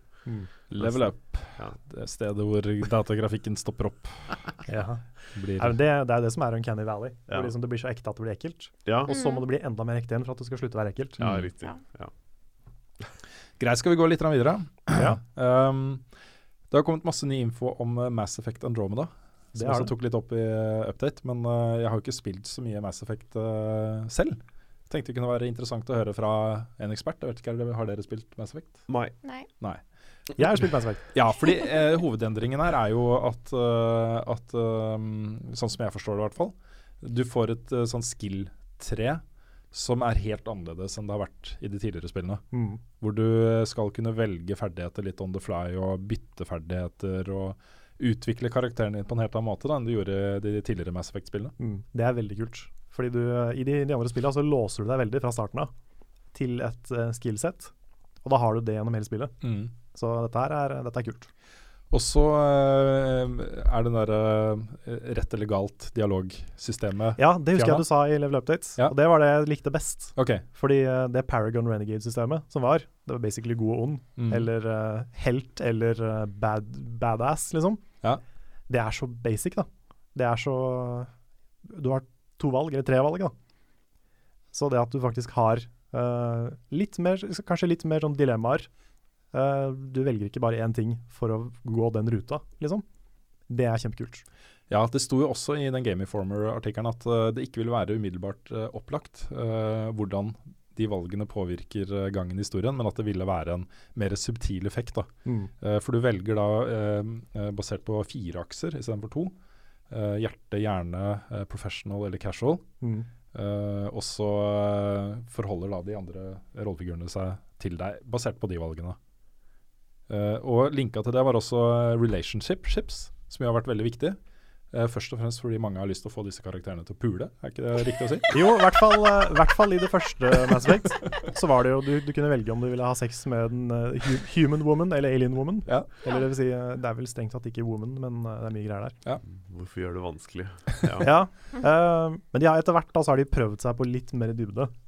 Um, Med blanda hell, vil jeg si. Jeg har Ja, sett noen klipp. litt blanda, men noe av det er ganske bra. Ja. Um, noen av romansene i Mass Effect eh, 3, 2, eh, i hvert fall de som har vart alle spilla, de, de får liksom litt mer dybde, litt mer substans, kanskje. Mm. Men det er fortsatt mye som bare er uh, pulings. det er jo det. Uh, og her er vil det, i, I Andromeda så vil det da bli sånn at, uh, at uh, her vil rollefigurene ha eh, forskjellige motiver eh, bak det å inngå et eh, forhold til deg. Noen vil ønske et langsiktig forhold, andre vil ha mer tilfeldige eh, forbindelser. Um, det er masse sanne ting da, som Mm. jeg syns hørtes interessant ut. Uh, siste jeg ville nevne om uh, alle disse detaljene som har kommet ut, er jo at de har løst problemet med hva i all verden gjør vi med det som skjer i Mass Effect 3. Ja, Uh, her reiser jo rollefigurene i Mass Effect Andromeda ut på en reise til Andromeda. som er en reise som tar eh, eh, 600 år. mm. Jeg må bare korrigere en ting. Mm. Jeg sa du kunne velge mellom alien woman og vanlig dame. Ja. Hvis du er dame, så får du selvfølgelig andre valg. Ok, Da kan du også date dudesa. ja nettopp. Du blir Eh, ikke tvunget til å være lesbisk med en gang eh, du velger Nei, dama? du, du kan jo velge alien-dama eh, Ja. hvis du er dama også. Så du kan, du kan være lesbisk-ish. Det også er liksom fordi Det er en rase som, er, som ser ut som damer, Mm. men de er egentlig kjønnsløse, okay. tror jeg. Så det er mye greier der. Så det er sånn de har forklart det. Men du kan jo basically være lesbisk i eh, Mass Effect 1 og 2. Men det er først i Mass Effect 3 så kan du være homofil mann. Å, Men det du, det er ikke før i treeren Nei, at du kan det. Ok, greit. Uh, men det, de- de har da løst de store problemet. For det skjer jo ting i Mass Effect 3. Jeg vet ikke akkurat hva som skjer selv, men jeg bare har fått med meg at det er mye greier som skjer der. Ja, det er en slutt som ikke alle var like fan av. Nei. Uh, og en slutt også som har stor innvirkning på det universet det foregår i. Ja, det er vanskelig å fortsette uh, basert på de tre forskjellige sluttene. Ja. I, Men uh, her reiser da alle rollefigurene i Mass Effect Andromeda ut uh, for å dra til Andromeda. Uh, reise som tar 600 år, og de reiser rett etter begivenheten i Mass Effect 2. Så det er ingen der som vet hva som skjer i Mass Effect 3. De bare reiser til Andromeda og starter på nytt der, på en måte. Ja. Så eh, det står en strek over Mass Effect 3 og lager en helt ny historie. det, Mass det gjør det. Effect eller eller Mm. Det står en strek over Mass Effect 3. For Å, det, dette skjer midt mellom to expansions Å, ja, som de reiser reiser ut. De reiser reiser ut etter den første expansion til Mass Effect 2, før uh, den andre. Okay. Mm. Og da er de, da er de reiser. De ligger og sover i 600 år, liksom. Ja. Cryosleep. Så Det er en fin, fin måte å unngå det dilemmaet på. mm. Men så kan det hende at det er noe AI eller et eller annet om bord på dette skipet her som har fått med seg et eller annet også, da. Kanskje. Kanskje. Det, ja, det, det hadde ikke gitt fullt så mye mening hvis det er etter Mass Effect 2. Jeg bare spekulerer. Ja, Jeg ja bare nei, det, spekulerer. Hvem vet. Kanskje det kommer noe crossover-ting der, men ja. det, det blir vanskelig hvis det skal gå etter den slutten. Dette er da første kvartal 2017 eh, som det lanseres. Mm. Jeg er skikkelig gira på det, Ja, faktisk. ja så er jeg dritspent. Jeg er litt glad for at jeg kan starte på det som en fresh start i Mass Effect. eh, Ja, for det blir vel ikke noe save-import eller noe sånt der. Nei. Det gir for så vidt mening at det ikke det er. Greit. Uh, så har det vært BlizzCon, hvor de bl.a. Uh, annonserte en ny pro-league til uh, Overwatch, som så ganske spennende ut. De skal ha tryouts i masse forskjellige byer. Og så lager de et lag, da, f.eks. London uh, eller New York, Oslo, Mm. hva vet jeg. Eh, hvor du får proffkontrakter, lønn uh, osv. Jobber på heltid som Det er liksom sånn de skaper ligaen. Det er veldig kult, altså. Eh, introduserte også en helt ny character, som jo var lekka på forhånd. Eh, Sombra. Mm. Hva kan du si om Sombra, Lars? Eh, jeg har ikke fått prøvd denne selv, for da må det være sånn spille PTR på PC for å få til det. Men eh, hun Hva er PTR? Åh, Jesus Christ. Private Um, training. Nei, det er Åh, jeg har hørt hva det er hva det private står for. testing realm eller ja, noe sånt. Det, mulig det er noe sånt. Ja. Men det er i hvert fall en sånn egen greie du kan velge å bli med i, som er på en måte en betatest av det som kommer, da. Eh, av den patchen som, som kommer. Hun er en hacker. Hun er en Jeg vil kalle at uh, vil kalle henne en harasser. Hun er uh, veldig flink til å uh, komme litt opp i trynet på fienden. Uh, hacke dem, som gjør at de ikke kan bruke abilitiesene sine lenger. Det var litt morsomt i Level Update, så kalte jeg det super. At du kunne hacke superne til de andre. Ja, Heter, ja heter, heter det super ja, i det, det heter vel egentlig um, Det heter nemlig i heter annet spill jeg spiller. Ja, ne, Ikke sant? ja visst annet spill. Det heter vel egentlig Ultimate. Mm. Um, Ja, folk kaller det ulti. ja. Ja. Um, men ja, du kan hacke det sånn til de ikke får brukt det. Mm. Og det er jo og abilities og sånne ting. Og hvis du står der med, med noen av karakterene og ikke kan bruke abilitiene, så er du jo ganske basic, for å si det mildt, på Mm. enkelte karakterer. Så um, ja. Så det er vel egentlig det jeg kan si, uten å ha prøvd noe særlig mer om henne. Hun ser kanskje litt overpowered ut per nå. Det er mulig de må justere litt, men det er jo derfor de har dette greiene her, og teste ut. Men eh, de har jo justert det spillet så mange ganger, og hver gang de gjør det, så føles det ut som et helt nytt spill. Så det er jo utrolig kult da at de eh, legger så mye vekt i det. Mm. Og så eh, har det vært veldig fokus på, på de som tar Overwatch ganske seriøst Mm. uh, siden lansering. Eh, men de lanserer nå også en arcade mode, som er én mot én eller tre mot tre, på eh, baner som er tilpassa det. Det ser så fett ut. Det ser gøy ut, ja? Ja, Jesus Christ. Det kommer vi til å prøve, så det holder. Det er Mm. når, når den patchen kommer, så er vi back in Overwatch. For en periode, i hvert fall. Ja, Kult. Så mm. Hopper videre til Pokémon. Ja. Det, har, det er noen som har datamina den siste patchen til Android.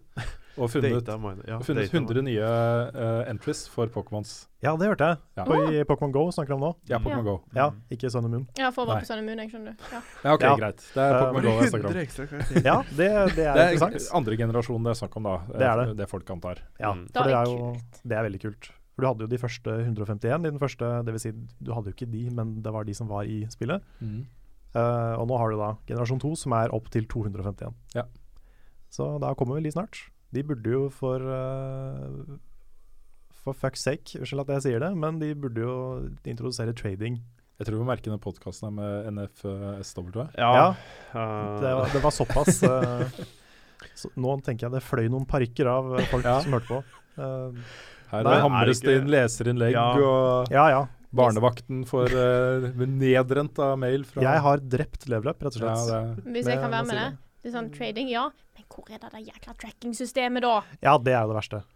Men Eh, er ikke dette her Jeg føler de har ødelagt det spillet så totalt. Ja. Og at det De har det. kommer jo disse updatene som kommer nå, de gjør de noe nytt. De er det noe spennende? Er det noe bra? Er det bra nok? De har vel tilført noe, nå sier jeg sikkert litt feil, men ut ifra det som jeg har lest nå de siste, de siste ti årene, at de har eh, implementert at du får mer sånn daily quests. Måte at du får daily XP. Altså hvis du holder på liksom, hver dag, så får du litt mer bonus XP.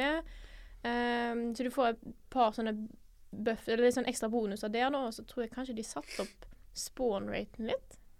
Ja, det har jeg hørt. Ja.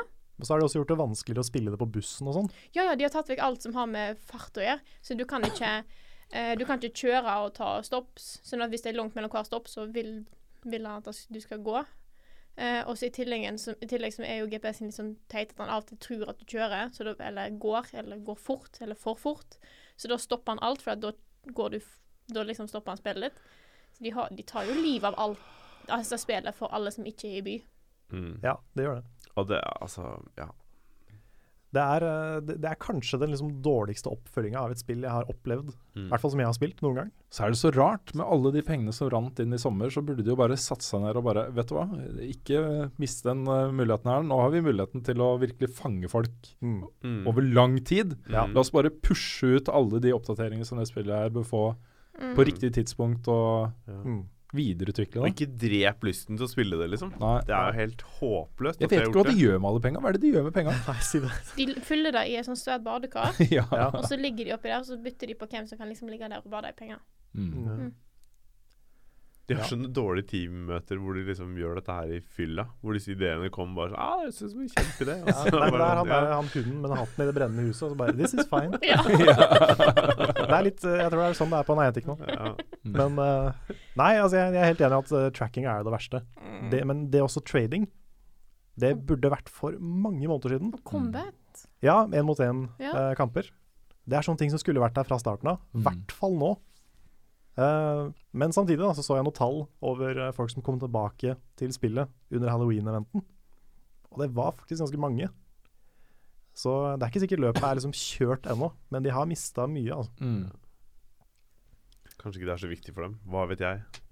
Nei, altså, jeg vet ikke. Kanskje de bare har lyst på en liten C-base som de kan holde på, en, Mm. eh, Ja, det kan tenkes. enn en stor. Det ble nok, ble nok en mye større suksess enn de hadde klart å se for seg i sine villeste fantasier Ja. da de lanserte det. Ja. Uh, men det som uansett da, eh, Pokémon GO har vist oss, det er jo potensialet i AR-spill.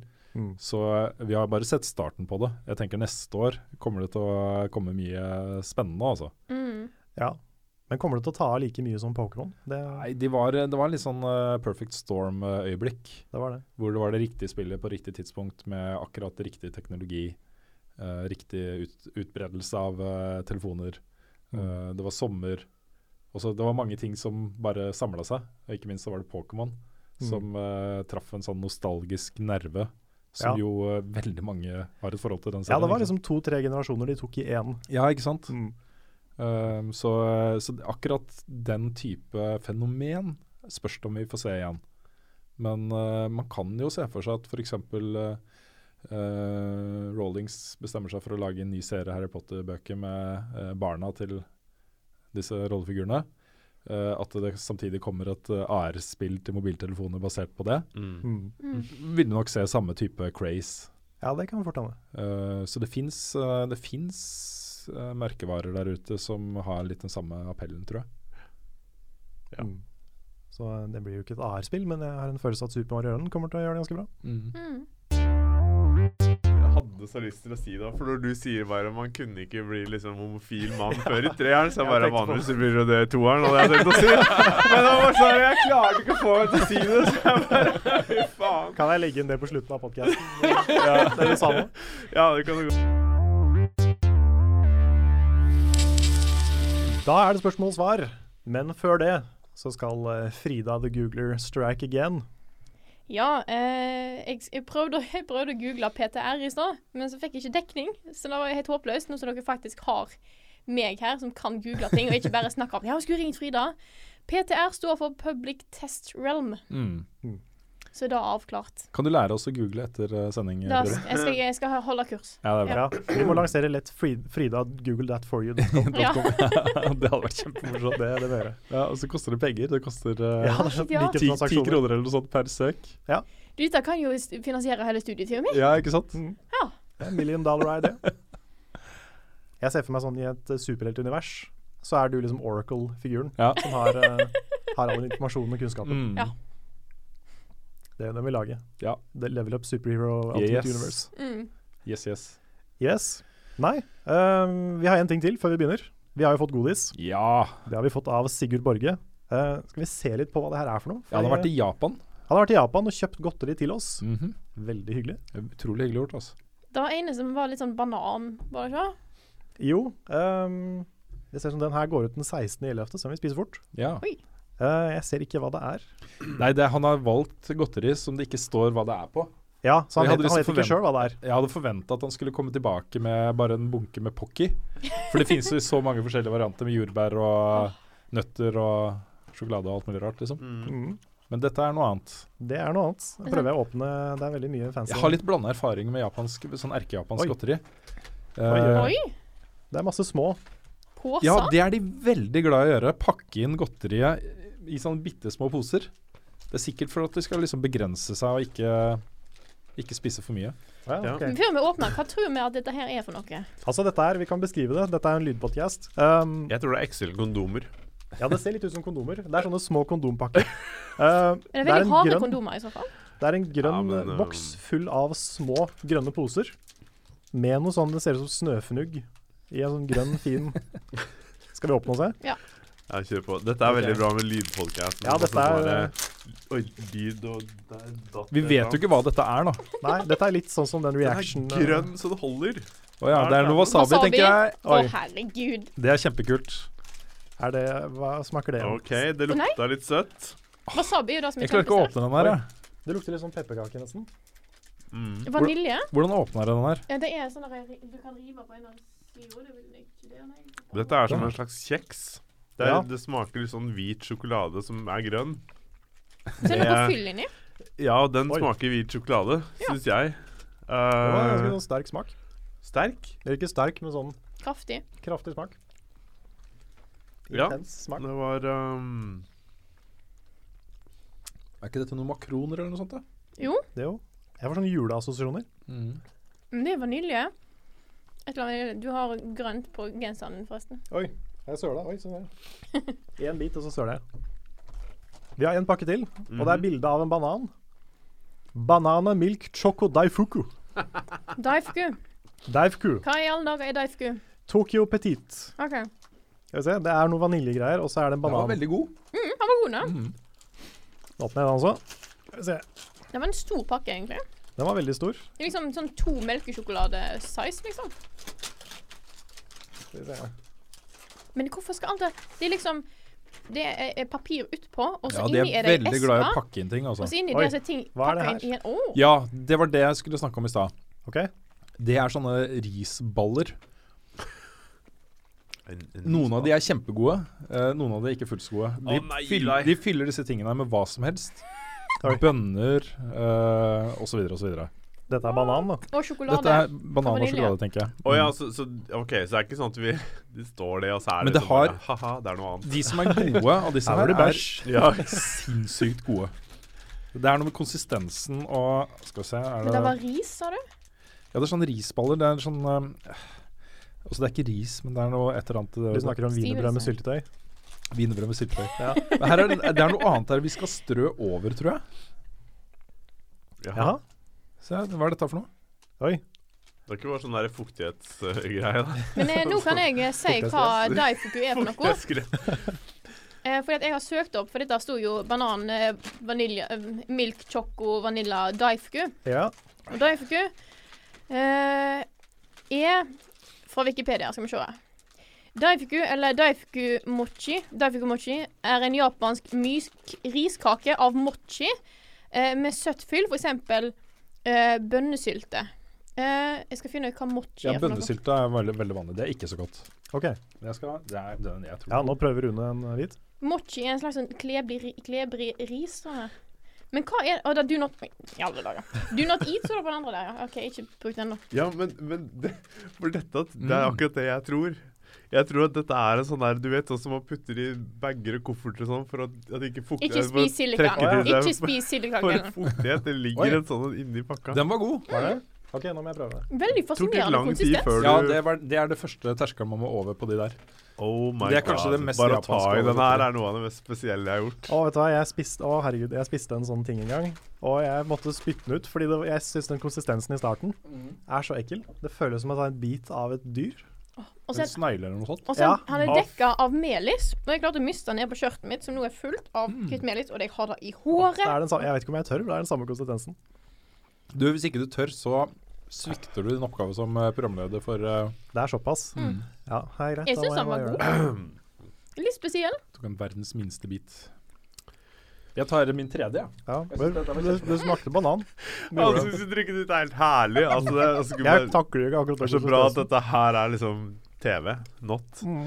Um, Jeg jeg, har samme problem som uh, Carl. Den smakte ikke vondt. Nei, det men ikke det, det var bare Jesus. Christ, det var spesielt. OK. Oh. Jeg har litt uh, ekstra ting, sånn fun fact, som står på um, Wikipedia om mochi, som er den risblandingsgreia som er utpå her. Som ikke virker som ris, det er mer sånn stivelseopplegg. Mm. Mochi er ekstremt klebrig, og det rapporteres ikke sjeldent i de japanske medier om hvordan framfor alt eldre personer får kvelning etter at de har spist gnocchi. Nei, mochi. Ikke gnocchi, det er noe annet igjen. Gjerne i, mochi, ja, er gjerne i samband med nyttår. Det er liksom Bare i kantområdet ble det rapportert fire dødsfall eh, angående mochi i 2006. Dette har jeg hørt om. Få dreper Altså, seg altså, dette har jeg hørt om, men, men det, gamle mennesker sliter sikkert med å tygge det greiene her. Setter seg sikkert fast Ja. i alt som er. Jeg vet ikke. Nå lager jeg litt sånn video tilbake om filmen. Kan ikke du bare holde opp en sånn, Karl? En, jo, Du kan holde opp den du har spist litt av. jeg skal gjøre det. Mm. Ja. Dette er, uh, dette er en litt spist av. Banan, sjokolade, fuk, hva var det? Daifuku. Daifuku. En uh, banan. Daifuku. Jeg har, en, uh, jeg har en person hjemme som kunne vært interessert i noe av dette her, altså. Ja, og så fikk ikke- vi de, som var sånn vaniljekjeksopplegg. Mm. Kan jeg få ta med litt av dette hjem? Hæ? Kan jeg få ta med litt av Ja, dette hjem? Det, det, er, det er derfor vi har fått det. Jeg vil ha mer av den kjeksen. Veldig hyggelig. Um, Ja, tusen av, takk, um, Sigurd. Ja. Jeg syns han har vært flink til å finne uh, japansk godteri som, er- som er veldig japansk. Mm. Fordi det er jo veldig mye også, De har KitKat og sånne ting i Japan også. Mm. Men uh, dette, er, uh, dette er veldig japansk. Mm. Mm. Jeg vet de selger sånne risballer på, på sånne asiatiske godteributikker i Oslo også. Ja, de har det. Jeg tror jeg har sett det på Outland også. Ja, ok, ja. Jeg, ikke sikkert er det den Outland som er, uh, som er i Oslo nå, men den gamle så hadde de det. Mm. Og Kanskje har det på Neo. Tokyo også. Mulig. Ja, der har det i Pocky i hvert fall. Det, Det har det. Og mye, mye artig animu. Ja, oh my god. Ja, men Tusen takk. Dette var en, eh, Ja. hyggelig, eh, et hyggelig lite avbrekk uh, i min dag, i hvert fall. Ja. Jeg vil bare kommentere. Er det noen som kjente sjokoladesmaken? Ja, Ja, det var veldig lite. Vagt. Um, jeg ble mest besatt av den derre bare å ta i den greia der. Ja. Mhm. Det er som å ta i en sånn manet. Har du Ja, løfta, det det. Har du løfta en manet noen gang? En Mm. glassmanet? Ja. Det er som å klemme på veldig små pupper. Veldig myke pupper. Ja. What? Med mel på, da. Altså, det, det er ikke det er Ok. litt skitne pupper.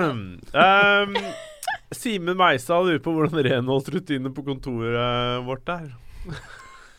Har vi en eh, Ikke-eksisterende. Nei, vi har ikke noen sånn person som gjør det. Vi har jo, Jo da, det. Lars. Ja. Ja. kontoret, kontoret vårt uh, hos Hava Media har jo uh, De gjør reint hele, Ja. Mm. hele lokalet. Ja.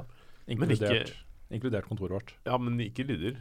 Hmm? Ikke rydder. Rydder, rydde er uh, verre med. Ja. Vi rydda jo Ja, VG-kontoret. ja, stemmer det. Det stemmer, det. Vi Det var helt krise. Mye spennende, altså. Var det det? Det var så Ja, mye det colaflasker. Ja, Jesus Christ. Det var Altså, så mye Ja, det, blir, det blir fort eh, svineri på de eh, det er um, Jeg vet Det ikke hva jeg skal si. Det lå bare nede i eske. Det var mye rart som lå der. Ja, vi hadde, Det var en ganske interessant opprydning. Vi fant veldig mye spennende liksom, spill og en Gameboy Mini eller noe mikro. Mikro. eller Det er noe bitte litt Ja. Mm. Uh, det var liksom Ja, det er ting mye- som mye bare, rart. Oi, shit, Mye der rart. ligger det det. Trekninger og Det har kommet inn et par spørsmål på uh, Level Up Community-gruppa også, for det blir jo delt der, disse innleggene vi lager. Ja, ja. De er vi ikke så flinke til å gå innom på podkasten, så jeg tenkte å ta et par spørsmål derfra OK. nå. Ja. Uh, det ene er fra Sondre Nordtun, Uh, som spør et spørsmål som vi får ganske ofte. Vil dere vurdere å endre formatet på Level Up? Til dømes gå tilbake for Jeg antar det er det TDM står for. Mm. Ja. Gå tilbake til ukesmagasin istedenfor å pushe ut små og store anmeldelser. Eh, og vil dere begynne å ta opp reportasjer i sammen igjen istedenfor å gjøre det alene? Kommer dere til å bruke kontoret som studio? Akkurat når det gjelder ukesmagasin, så er jo det et, uh, et greit, uh, en grei ting å svare på akkurat nå. Vi har ikke råd. Nei. Det er dyrt å produsere et ukesmagasin. Mye dyrere enn enn å produsere enkeltinnslag. Ja, i hvert fall å gjøre det på et sånt nivå som produksjonsnivå, som er det vi vil, da. Ja da, fordi vi kunne liksom bare tatt alle de tingene vi gjør nå, og så satt oss ned en dag. Litt sånn som månedsmagasinet vi lagde. uh, Mm. Presentere det. Mm. Uh, men men det, det krever på en måte et helt annet fokus. Uh, og så Ja, funker ikke formatet kanskje like bra på YouTube. Nei, det gjør ikke Nei, det. det, det funker ikke bra på YouTube i det hele tatt. Nei. Og det er fordi uh, da hadde vi vært mye mindre Vi hadde hatt mye færre videoer i uka. Mm. Um, vi måtte tenkt helt annerledes. Vi måtte forma innholdet vårt til et sånt magasin, Ja. som er mye mer jobb. Mm. Eh, og da, da hadde vi liksom falt på søkelister og sånn på YouTube. Mm. Uh, det hadde gått utover kanalen vår. Men det er en måte å få tilbake ukesmagasinet på, for jeg har lyst til å lage ukesmagasin. Ja. Jeg, jeg syns det, var- jeg syns det er gøy, jeg liker formatet. Jeg syns det er morsomt å liksom ha noe hvor man legger inn litt sånn krydder her og der. Og at jeg, jeg liker det, da. Mm. Uh, og det er jo at vi får inn penger til å lage det. Og der skjer det ting nå som, som er nå nærmere å bli realisert enn noen gang. Så forhåpentligvis så uh, står det på programmet igjen etter hvert. Fordi uh, det man trenger for å lage et eh, godt ukesmagasin, samtidig som vi fortsetter å publisere ting fortløpende på YouTube, det er jo noen som kan håndtere produksjonen, ikke sant? Ja, Og for det, det er det går så Det det utrolig mye tid. penger. Ja, det er det, der pengene kommer inn, fordi det er tid, ikke sant. Ja. Eh, vi trenger eh, kamerafolk, vi trenger uh, noen som kan klippe det. Mm. For hvis vi klipper det, så har vi ikke tid til å klippe andre ting. Nei, studiobiten trenger vi. Mm. Noen som lager et skikkelig studio. Ehm, ja, Rett og slett. nettopp. Og no noen til å betale det det koster da, å lage liksom, innslag til et ukesmagasin. Mm. Og da, da, Nå skal jeg ikke- si for mye, men det er jo ikke sikkert det da blir på YouTube. Det er ikke, eh, ikke sikkert det blir på YouTube. Det er ikke sikkert det bør være på YouTube engang. Nei. ja. Men det blir jo uh, kanskje elementer fra det. Men at det kanskje finner et annet hjem, akkurat det magasinet. akkurat magasinet med studiobiten og sånt. Mm. Vi kommer ikke til å gå vekk fra YouTube. Vi kommer til å fortsette som vi har gjort. Men eh, hvis det kommer et magasin, så kommer det mest sannsynlig på et sted. Eh, det andre delen av spørsmålet, det å også samles mer, det er jo noe vi aktivt eh, gjør noe med nå. Mm. Det kommer en ny spalte snart. eh, kanskje til og med neste uke. Kanskje. Eh, hvor uh, primært da du og jeg, Carl, skal samles og snakke om uh, Mm. en spesifikk ting. Det er, eh, det er mange som har sagt at de savner det, og det savner vi òg. Det er eh, Absolutt. veldig greit å kunne gjøre det. Eh, Ser, fra Seerne-spalten vil det sannsynligvis også bli en, om ikke ukentlig, så kanskje annenhver uke eller et eller annet, hvor Mm. vi presenterer eh, det som et eget innslag på YouTube. Uh, og uh, på toppen av det så er jo den biten med å samles på et kontor og sånne ting, også litt avhengig av at vi har råd til å gjøre det. Ja. Uh, for da trenger vi en ganske betydelig oppgradering av eh, utstyr på det kontoret. Mm. For at det skal være praktisk gjennomførbart å sitte der flere enn én person og jobbe. Um, Og så er, er det litt av grunnen til at vi har pusha på Lars, uh, for at Lars skal eh, kunne komme inn på fulltid. Ja. Uh, for da har du plutselig råd til å flytte nærmere byen. Det er lettere å samles, Mm. lettere å jobbe sammen. Ja, for den optimale måten for oss å jobbe på hadde vært å sitte i hvert fall store deler av dagen, ikke nødvendigvis fra 08.00, Mm. men uh, store deler av dagen sammen på samme sted. Mm. Og vi har jo fått uh, fra Hava Media beskjed om at vi kan utvide kontorplassen vår og få mer plass der. Uh, så det er jo helt tipp topp. Så vi håper jo at det er liksom neste ledd. da At vi først begynner nå å produsere en del mer sammen. Mm. eh, og så at vi får et skikkelig kontormiljø. Vi kunne hatt sånn fleksitid. Skulle hatt sånn kjernetid mellom eh, Jeg vet ikke. Ett og to. Jeg hadde tenkt å foreslå 11 og fire. Ja. Mm. Eh, at vi i hvert fall får liksom fire-fem timer eh, sammen Mm. hver dag. Mm. Tror jeg hadde vært uh, helt strålende. Mm. Ja. I agree. Mm. Det hadde um, det, Jeg tror det hadde gjort mye. Og folk hadde nok merket mye av at ting vi hadde produsert, hadde blitt mer Hva skal jeg si, ja? Mer samkjørt. Mer ting felles. Mer Mm. sånne små, tullete innslag kunne vært putta inn her og der. Det, er- det er Mm. lettere å gjøre sånne ting da, ikke sant? Mye lettere. Mm. Det er lettere å gjøre det sammen enn å ta opp Ja. et kamera og filme noe aleine. Ja. Mm. Absolutt. Jeg har gjort det mye òg, men jeg har endt opp med å droppe mye av det. Det har liksom ikke blitt så morsomt som jeg håpa, og Nei. tar vi det bort. Så håper jeg bare at dere liksom, i løpet av det neste ett og et halvt året, sånn, når jeg er ferdig med studiene, at dere bare kan ansette meg, så flytter Ja. jeg til Oslo, vet du. Så, det, Ja, Så, ja, ja, ja, ja. Ansetter vi uh, Holdt på å si Siving Hva er det du blir? Eh, Siving. Det er Siving. Mm. Siv, siv, siving. Siving. Siving eh, Frida Danmo som eh, ja, diskjockey, holdt jeg på å si. Ikke diskjockey, men videojockey. Eller lignende. Ja, Mm. det blir eh, Mm. stas. Vi, vi, vi trenger jo det, egentlig. Vi må jo ha Vi, vi burde jo hatt dere på fulltid. Det hadde altså I forhold til å produsere det man har lyst til å produsere, og legge den kvaliteten i det enda mer enn det vi allerede gjør, så, så må det jo gjerne det til, da. Mm. Jeg tar et eh, kjapt eh, spørsmål til fra Level Up Community på Mm. Facebook. Eh, det er fra uh, Morgan Slang. Eller Morgan Slang, jeg vet ikke. Eh, han skriver eh, Jeg har tidligere vært kritisk mot tigging. Det er jo fryktelig negativt, da. Men uh, hvor smart tror dere det er å dele opp fangruppen ut ifra hvor mye penger de gir? Det er jo en sånn der balansegang som vi har uh, Ja, om. Ja, det føler jeg ikke at vi gjør. Nei, vi gjør jo eh, to ting som er eksklusivt for sånne Patrion tears.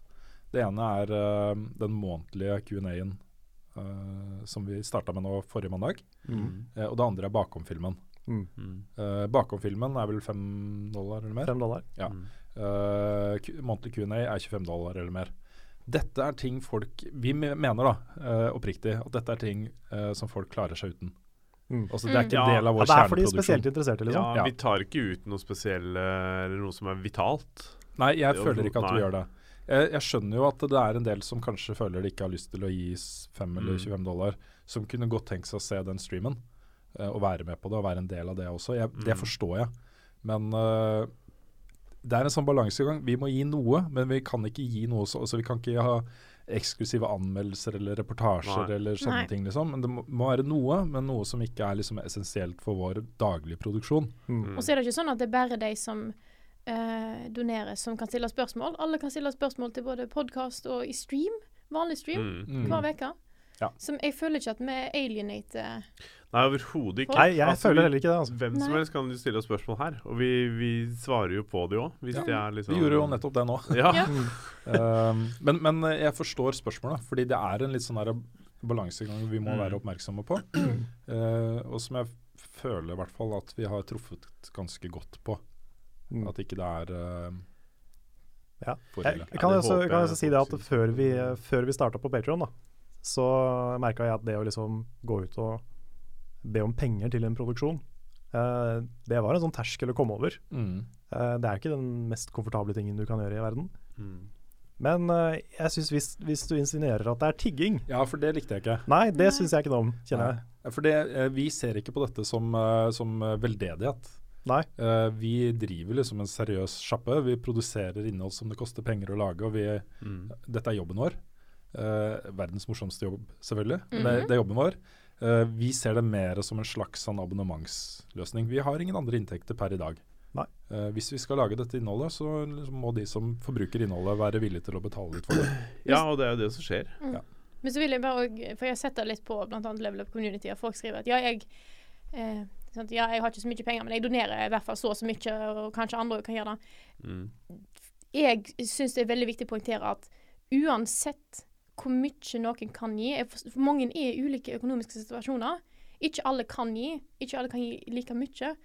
jeg er like glad i hele gjengen likevel. Ja, ja, ja. Fordi at Ja, altså- hele communityet, både de som, både de som er så Altså kan være i den situasjonen at de kan støtte oss litt, og Mm. de som bare er der og er Gir oss tilbakemeldinger og Mm. er med i communityet. Se Ser på stream, ser på anmeldelser, alt dette her.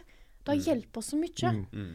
Sånn at det er ikke Jeg bryr meg egentlig ikke hvor mye folk gir i det hele tatt. Det er da at Nei, de, det de er med, folk er med, og folk er hyggelige og gir oss Vi behandler jo ikke folk forskjellig heller, på, grunn av, på bakgrunn av hva de måtte gi. Fordi at mange av de som sitter der, er jo i det level up-communityet, og det er jo umulig for oss å ikke møte Ikke kanskje møte IRL hele tiden, men altså møte de på nett, da, de forskjellige menneskene. ikke sant?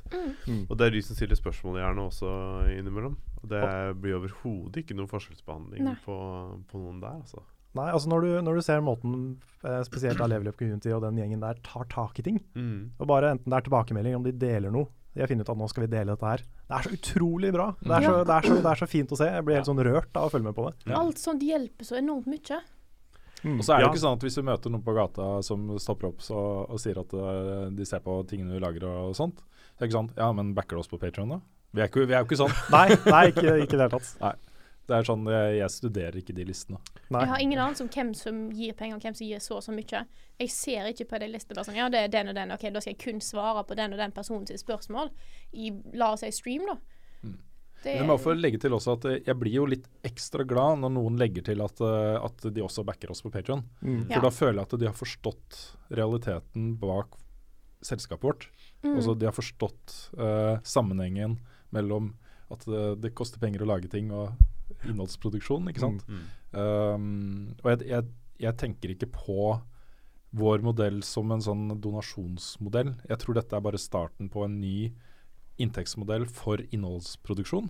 Hvor uh, du vil se massevis av små, slanke redaksjoner lage dritbra innhold, uh, men som det ikke da blir finansiert av noen andre enn seerne sine eller leserne sine eller eh, de som forbruker innholdet deres. da.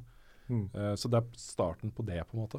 For det er viktig å poengtere at vi hadde jo ikke klart oss uten de som støtter oss på Patreon. Nei, da hadde Vi vi, hadde ikke gått gjort rundt. noe helt annet. Mm. Da hadde vi gjort Ja, jeg vet Mm. ikke. Vi er jo helt ferdig med sluttpakker nå, så, Ja. Så det er jo Vi får jo ikke penger fra noe sted. Nei, og fram til uh, vi var ferdig med sluttpakkene, så hadde, jo det, hadde jeg det kjempefint økonomisk. Nå er jo eh, lønna mi er jo mer enn halvert i forhold til den var i VG. Mm. Uh, for den er basert på hva vi faktisk har av uh, penger å rutte med. Mm. Vi har gått gjennom hele familiebudsjettet hjemme. Nå er plutselig kona brødvinneren i familien. Jeg har jo, vi har betaler en sånn prosentandel av lønna inn til fellesskapet. Så nå betaler hun mer enn meg. Um, det er helt i orden. Det er ikke noe Det har jeg ingen problemer med. Jeg syns det er like kult. Mm. Men uh, det går jo utover privatøkonomien vår. Altså det, vi må se på boliglån, vi må se på liksom hvor mye penger vi skal bruke på ferier osv. Så, videre, og så, videre. Mm. så ja. Mm. Mm. Ja. Jeg, jeg Altså- føler jo samtidig veldig den der eh, eh, Selv om ikke det er en donasjonsgreie nødvendigvis, så føler jeg veldig på den takknemligheten likevel. ja. Mm. At det er jo, Jeg forventer jo ikke at folk skal gi penger. Nei. Eh, så det er alltid en utrolig sånn hyggelig overraskelse når det kommer en mail om at en person har blitt backer på Patron. Mm. Det er en sånn herre åh, så bra. Mm. Det, Det er kjempehyggelig. mm. Og så er jo også Vi har jo, som du nettopp sa, alt det vi lager er åpent. Det skal ikke Det er mange medier som på en måte Altså bare se Netflix diverse ting som, som stenger alle ute. Skal du inn og se, så må du betale. Mm. Vi gir jo vi, Alt vi produserer, er jo åpent for hvem som helst. Ja, litt av VG pluss, uh, DB, pluss. Ja, for eksempel sånne type ting. Men uh, uansett så er det Folk har mulighet til å se det. Mm. Og hvis de i tillegg har lyst til at dette skal fortsette, uh, hjelpe oss med å produsere ting videre, så har de også mulighet til å hjelpe til. Jeg, jeg Mm. føler det er liksom Og det som er, Ja. det som er liksom eh, quote unquote stengt bak uh, en mur, det er jo bare bonusmateriale, liksom. Ja. Mm. Det er uh, til og med mye av det legger vi ut. Mm. Så ja. Nei, jeg, jeg føler ikke personlig at vi, at vi gater noe særlig. Jeg håper ikke det er mange som føler det. Nei, jeg håper ikke det. Og så kan det hende at vi må tigge mer. Ja. Eller i hvert fall ha litt kampanjer. Eh, sånn som vi hadde nå i forbindelse med revidering av uh, Patreon-mål og, Mm. eh, og sånne ting, den videoen vi la ut. Så var det en sånn minikampanje. Det, de tingene der burde vi gjøre mer av, egentlig. Ja, fordi vi har gjort det basically bare to ganger. Det var Ja, første vi- videoen, og vi så er det den der. Nettopp. Så det er, det er jo ikke Vi sitter ikke og altså, Ja, vi har jo nevnt i podkast og takker de som er og sånne ting, men det føler jeg liksom er en naturlig Mm. ting å gjøre også. Jeg håper folk forstår grunnen til at vi går ut og spør om Eller prøver å si at vi har nye mål for å komme oss videre. Det er fordi vi trenger det. Ja da. At det er ikke Ja. bare fordi at vi har lyst på mer penger, bare for å ha mer penger. Nei, jeg har, jeg har null ambisjoner om å bli rik på dette her, kjenner jeg. Jeg vil bare jobbe med det jeg liker. Mm. Det er, min, det er mitt mål med alt.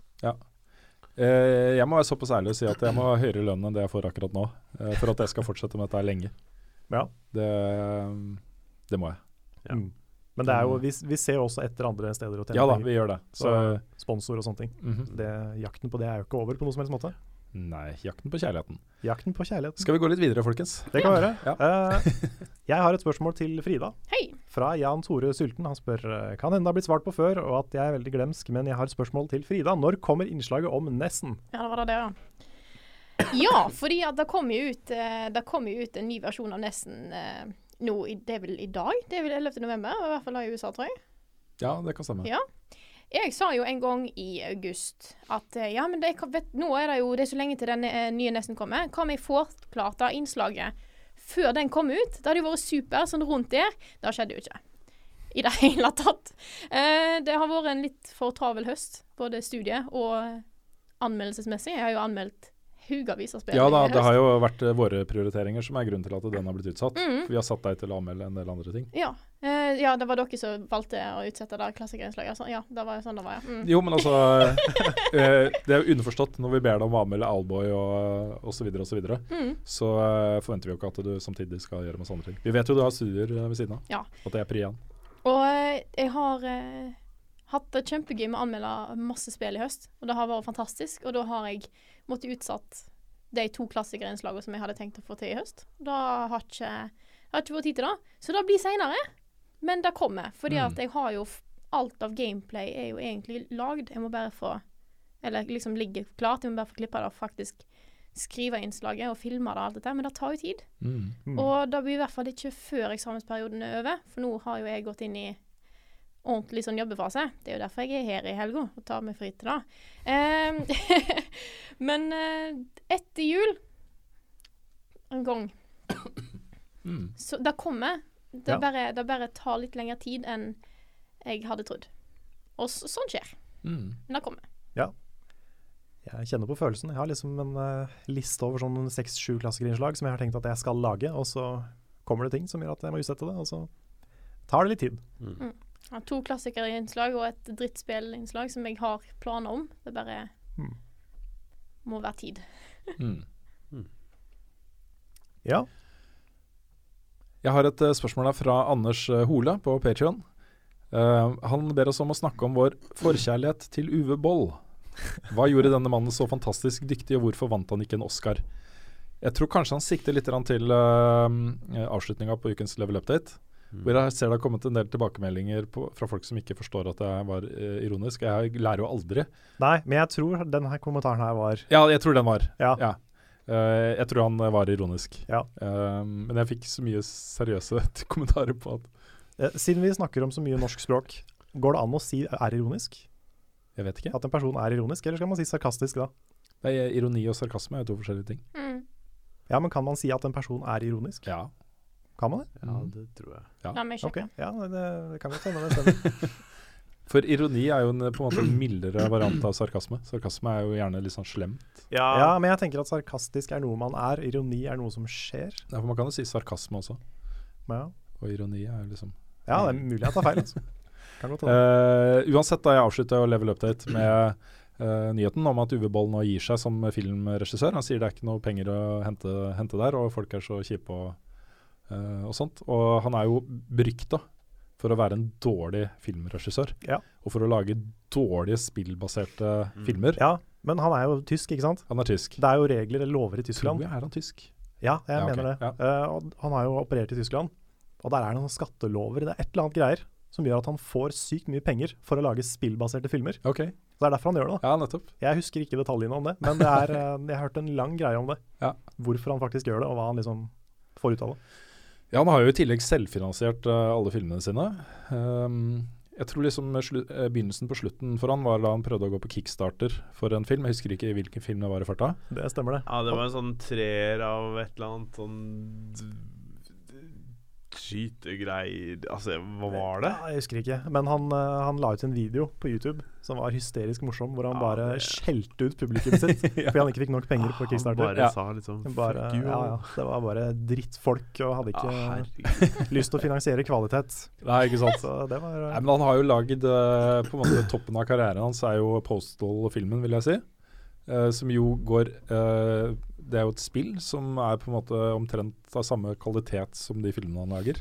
Så det, det var altså toppen av meta, var at han lagde film basert på den. Uh, og det er noen scener der som er helt hysteriske. Jeg har ikke sett en hel Uwe Boll-film. Uh, Nei, ikke heller. Jeg har sett uh, scener her og der, liksom. Klipp. Han burde laga Right to Hell Retribution. Ja. The movie.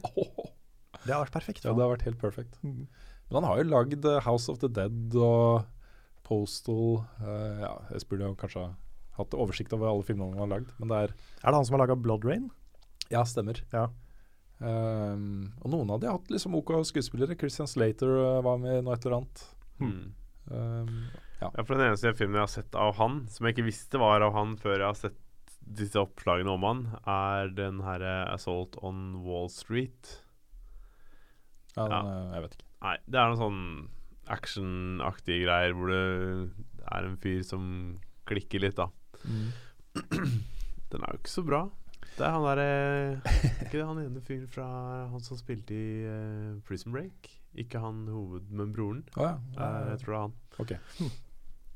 Jeg Så kan- ja. Jeg har jeg har fått opp liste over alle filmene hans, hvis noen er Det er interessert. bra du er her, Frida. Ja, Eh, men jeg har òg funnet ut at ironisk er et eh, adjektiv, og du kan være ironisk. Okay. Så da er det greit. Da tok jeg feil. Men det er en solid liste med filmer, altså. Mm. Men det er liksom, jeg kan ikke huske å ha sett så mange av dem. Nei. Nei, det var den der jeg Assault on Wall Street, men liksom ja. Altså, jeg har jo sett noe av de der spillgreiene. Far Cry og sånne ting, men det er jo mer for å bare se liksom Hva er det her? Mm. Det er jo, han, har jo, han er jo uh, Han har jo blitt en joke. Altså Ja. en, en uh, folk, noe folk liker å tulle med, liksom. ja, At han lager så ræva filmer. ja. Og jeg føler ikke han har kommet helt over grensa til han der Tommy vi så heller. Fordi Nei, det er ikke, det er ikke igjen, så liksom. dårlig at det er gøy, Nei, Nei nødvendigvis. Nei. Han har lagd 35 filmer Mm. i tidsrommet eh, Hva var den første? 1992 til 2016. Og mesteparten i det er 2000-tallet. Det er bare én som er lagd eh, Mm. før 2000. Så 35 filmer. eh, 34 filmer fra 2000 til i dag. Det er en bra mengde filmer. Impressive. Det, det er det. Men uh, altså Uwe Boll har ikke betydd noe for meg personlig. Det at han slutter å lage filmer, betyr ingenting. Og så det betyr ikke for noe, noe for noen, tror jeg. Nei. Egentlig. Selv ikke de som har sett filmene og liker han. Tenker, ja, ja. Det er greit. Jeg har hørt, jeg har ikke sett eh, filmen, men jeg har hørt at en film som er så dårlig at den er bra, det er Jupiter Ascending. Okay. Så den har har jeg snakka med Kristine om at kanskje vi skal se. Mm. Finne ut om den er så dårlig at den er bra. Er det Uwe Boll? Nei, Nei. Nei det er uh, The Wachowskis, er det det det heter? Ja, det stemmer det. Det er den, det, ja. Mm. Mm. Jeg kan forresten nevne at de, tre bildene, de første tre bildene som eh, dukker opp hvis du googler den, er først en der han gir tommel opp, en der han holder en mikrofon, og en der han viser fingeren. Ja. Det er hele karrieren hans Ja. eh, oppsummert. Basically. Um, Um, har du ja. spørsmål? Uh, ja, for det er et uh, filmrelatert spørsmål, da. Det er Truls eh, Nordby Olsen som sier 'Alle andre enn Rune'. Har dere sett traileren for Valerian? Eh, nei. Nei. Nei. Da hadde jeg håpet at noen skulle se den, da. Men hva er det for noe? Jeg har ikke sett den heller. Ikke Jeg heller? så noen posta den på Level Up Community-gruppa. Okay. Jeg tror det var der de posta den, men jeg har ikke Ja, sett den. At du kanskje hadde oh, ja, den. er det den som kommer neste år? Uh, den nye er det den nye filmen til uh, Luc Besson? Du spør Ja. meg Ja, liksom det er det. Valerian and the okay. City of a Thousand Planets. Ja, nettopp. Eh, det, det var dumt, fordi han har sikkert bare fått med seg da, at jeg, jeg ser jo ikke på trailere. ikke sant? Det er jo derfor Nei, jeg sa det. Oh, ja. Og jeg, jeg vil jo ikke se trailere. Jeg vil ikke se trailere. Nå kommer, kom den der sci-fi-filmen nå på fredag, som jeg bare er super psyched på å se. Hva film? Det handler om det kommer noen aliens, og så snakker de et fremmedspråk, og så er det en eh, som skal lære liksom kommunisere. Det er det, det eneste jeg vet om filmen, er det. Det er alt jeg trenger å vite! Jeg trenger ikke å vite mer! Jeg trenger ikke å vite mer. Det er liksom Independence Day, det er eh, Det kan være hva som helst. The Arrival heter den filmen, OK. okay. ja. Ja, ok. Ja. tror jeg. Cool. Så eh, ja, nei, men eh, det, det, det jeg har fått med meg om denne Valerian, er jo at det ses på som en slags uh, eh, oppfølger, en spirituell oppfølger av uh, Det femte element. Som jo er en film jeg elsker, ikke sant. Eh, det er litt den samme greia. Det er sci-fi, det er veldig Kult. overdådig, det er veldig spektakulært. Men, uh, Rihanna står på castlisten. Oi. Men uh, spilltrailere, er det annerledes? Det er litt annerledes, fordi det er jobben min. på en måte. Jeg kan Ja. ikke helt bare lukke øynene for, uh, for informasjon om eh, spill som kommer. Nei. Så, så det er litt annerledes. Mm. Men jeg blir liksom Jeg blir jo mett på spilltrailer også. Ja. På et eller annet tidspunkt så føler jeg at sånn som The Last Guardian Jeg vil helst ikke se noe mer av The Last Guardian. Nei, det, Det kjenner jeg òg. Jeg, er- jeg er veldig forsynt på Pokémon-trailere nå, f.eks. Mm. Så ja. Ja. Jeg har et bra spørsmål her fra Espen eh, Sømme på Patreon. Okay. Har dere fått med dere Project White? Det skrives WIGHT. W-I-G-H-T. Jeg har hørt om det, men jeg har ikke noe Dette er eh, et lite uh, selskap i Sverige som heter The Outsiders, tror jeg. Uh, det er 10-12 personer, uh, flere avløpere fra Dice, som lager et spill hvor det foregår i prehistorisk tid. Hvor de første liksom, altså vikinger, den type mennesker, eh, eh, lever i koeksistens med en sånn mystisk rase som er intelligent, men som er liksom monstre, på en måte. da. Creatures. Uh, du spiller som en creature. Uh, og den teaseren som ble sluppet, det var utrolig stilig. Du uh, er da en veldig ung creature. går på fire ben.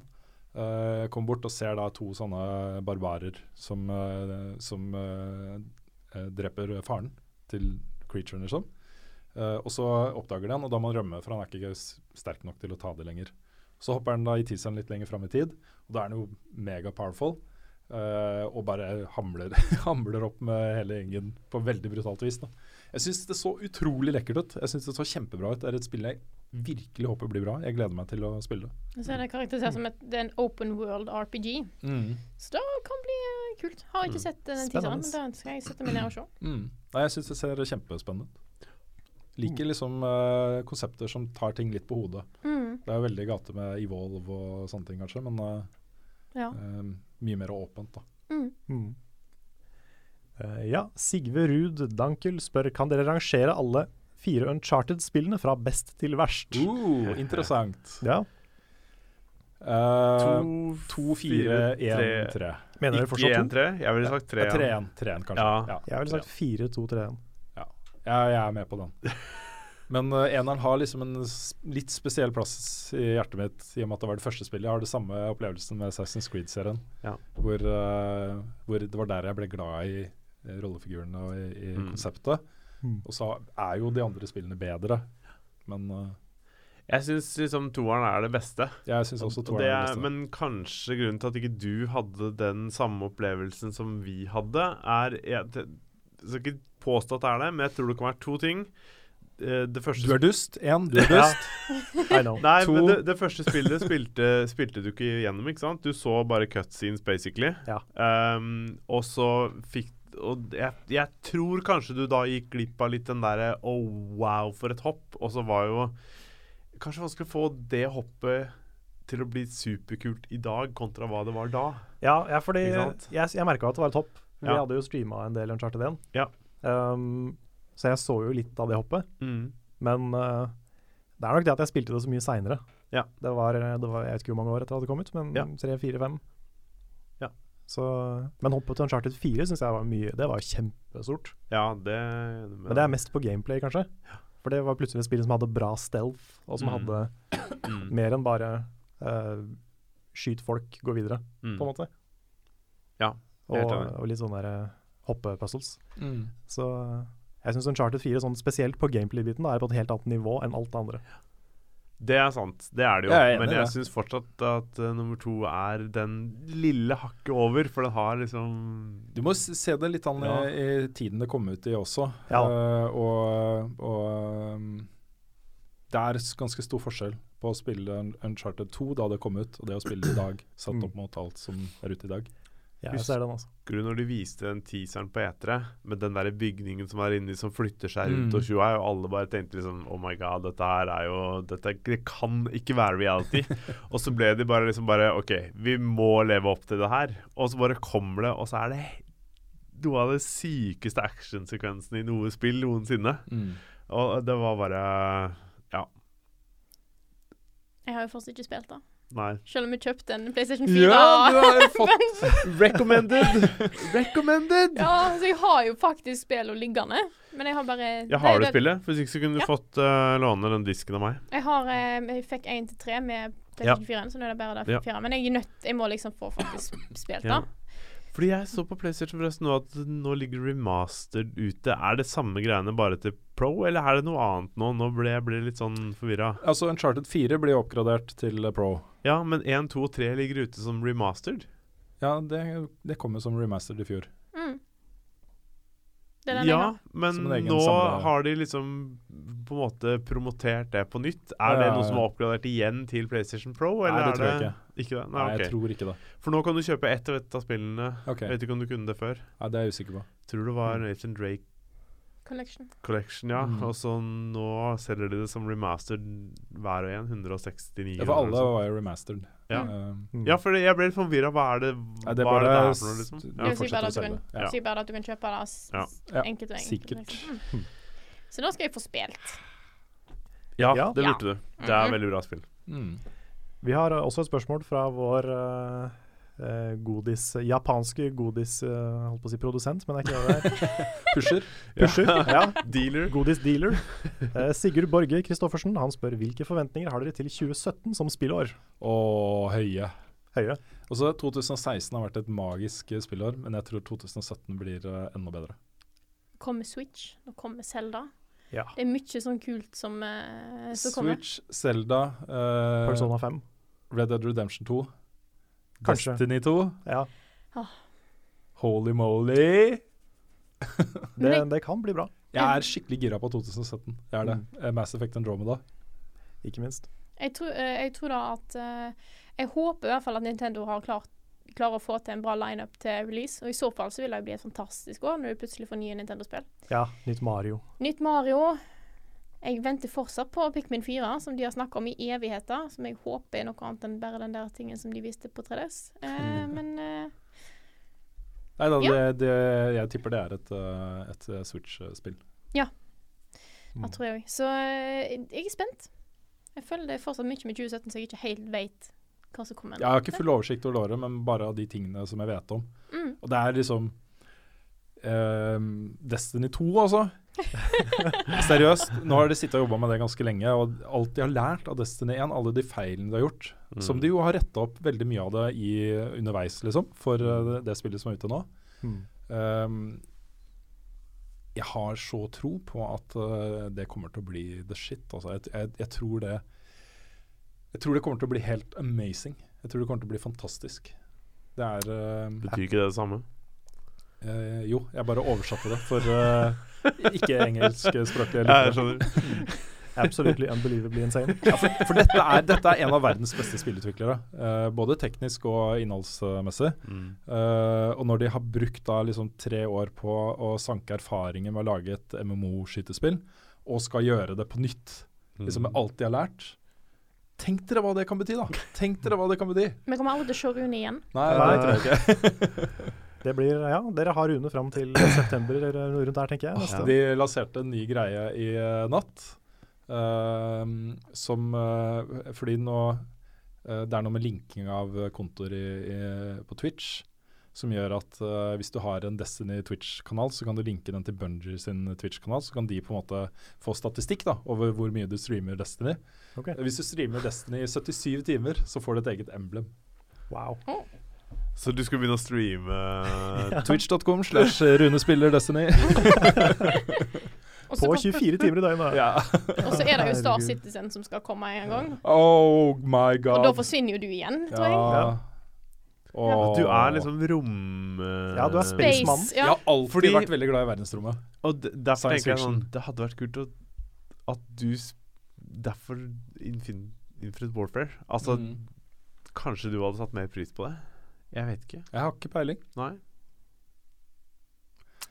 Med Star Citizen, jeg vet ikke om det blir 2017 også. Jeg tipper at det kommer en beta-release, kanskje høsten 2017. Ehm, at vi snakker 2018-2019 for en full release for det spillet. Jeg, kjenner, jeg er veldig hyped for 2017, men uh, samtidig så føler jeg at det, er, det kommer nok til å ta noen år før noe topper 2015 for meg. Mm. For det var så mye som bare var så crazy i min gate det året. Jeg fikk jo tre nye favorittspill, liksom. Så, ja, Destiny The Taken King, ja, ja, det var akkurat det jeg tenkte på. Det var, Spring Update. Ja, The Wolves. det var definitivt det jeg tenkte på. Men eh, ja, nei, det året var bare helt uh, legendarisk for meg. Mm. Så det skal nok litt til å toppe det, men jeg, jeg gleder meg. Men den høsten her har vært bra, altså. Ja, Den har det. Den har definitivt det. Hele året. Altså, Ja, mine vinteren også var veldig bra. Mm, mine favorittspill har kommet i, i år, så Mm. Ja, vi fikk Firewatch, vi fikk The Witness Mm. tidlig på året. Mm. Har ikke vært dårlig. nope. Nei. Eh, jeg har lyst til å ta et spørsmål her. Jeg vil at, uh, at alle besinner seg litt, grann, og at vi ikke lar dette bli en lang, lang diskusjon. Jeg tror jeg vet hva som kommer. Ja. Ja. Eh, spørsmålet er fra eh, Men det spørsmålet er godt. Okay. Um, det er fra Jostein Rajesh Johnsen, og spørsmålet er hva har det å si for spillsamfunnet at Trump ble president? Uten å snakke om Trump sånn generelt og spesifikt, liksom, ja. så vil jeg bare si at den valgkampen her, og det resultatet og alt, uansett hvem som hadde vunnet her um, Det er mye strømninger i samfunnet nå som handler om liksom forandring og det å ta tak i ting og det å diskutere ting og det å finne ut av hvorfor ting er sånn osv. osv. Og jeg tror det er liksom det, Spillutviklere vil bli berørt av det også. Jeg tror du kommer til å se en massiv oppblomstring av ganske tungt politiske eh, innholdsproduksjoner. Både på spill og film og bøker og musikk og alt mulig rart i eh, årene som kommer. Jeg tror også spillmediet kommer til å bli berørt av det. Mm. Um, så uten å ta stilling til verken Trump eller Hillary Clinton eller den amerikanske valgkampen, i det hele tatt, så er det strømninger i samfunnet nå som er ganske sånn um, opprørske. Det er mye Mm. opprør i samfunnet, Mm. og det tror jeg kommer til å påvirke spillmediet også. Mm. Jeg tror du har rett i det. Det er, eh, det er veldig typisk at uh, egentlig både spill og uh, holdt på å si youtubere og uh, offentlige personer er veldig redde for å være politiske. Mm. Det tror og håper jeg egentlig at forandrer seg litt. Ja, jeg sitter nå og kjenner på følelsen at jeg har ikke lyst til å gå ut med sånne lange diskusjoner om uh, Trump og Hillary Clinton og det politiske, altså fordi det åpner en sånn can of worms. Ja, ja, du, Mm. du åpner jo, det er for mye dritt. Ja, ehm, så er det, vanskelig, det er vanskelig å diskutere de tingene s- eh, på en, på en, uh, en saklig måte, egentlig, Mm. syns jeg. er det. Ehm, Så ja. Så jeg hører det kanskje ikke hjemme, men lange diskusjoner om våre personlige Nei, politiske er, politiske ikke, det er ikke helt Nei. tid og sted, kanskje. Jeg er ikke forberedt på en diskusjon på det. Eh, Verken det. mentalt Nei. eh, eller noe. Nei. Um, Så skal vi bare avslutte her? Nå er vi Ja, det, ferdige. var- det var egentlig bare jeg ville Men jeg, jeg tror Ja. det er interessant for spillmediet. Det er det. Da er absolutt det. Mm. Um, og man må innfinne seg med den verden man lever i, og så må man gjøre det best ut fra det. Vi kan ikke gjøre noe annerledes akkurat her og nå. Og derfor så føler jeg liksom at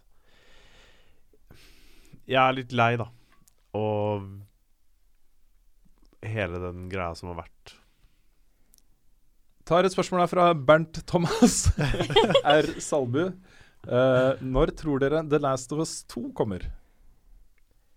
Åh, når? Jeg tipper det er neste spillet. Jeg tror, skulle til å si det. Jeg tror også det er det neste spillet til Ja. uh, Men det hadde vært kult hvis de gjorde noe litt annet her, tenker jeg. Mm. At det ikke hadde vært The Last of Us 2, men det hadde vært det samme universet, og at kanskje uh, Ellie og eller Joel var på en måte bifigurer i en annen historie i det samme universet. Det hadde jeg satt pris på. The Last of Them. Ja, for eksempel. Ja, The First of Us. Ja, altså ja, um, ja. Det er veldig mange som sier at ikke de vil ha en videre historie på Ellie og Joel.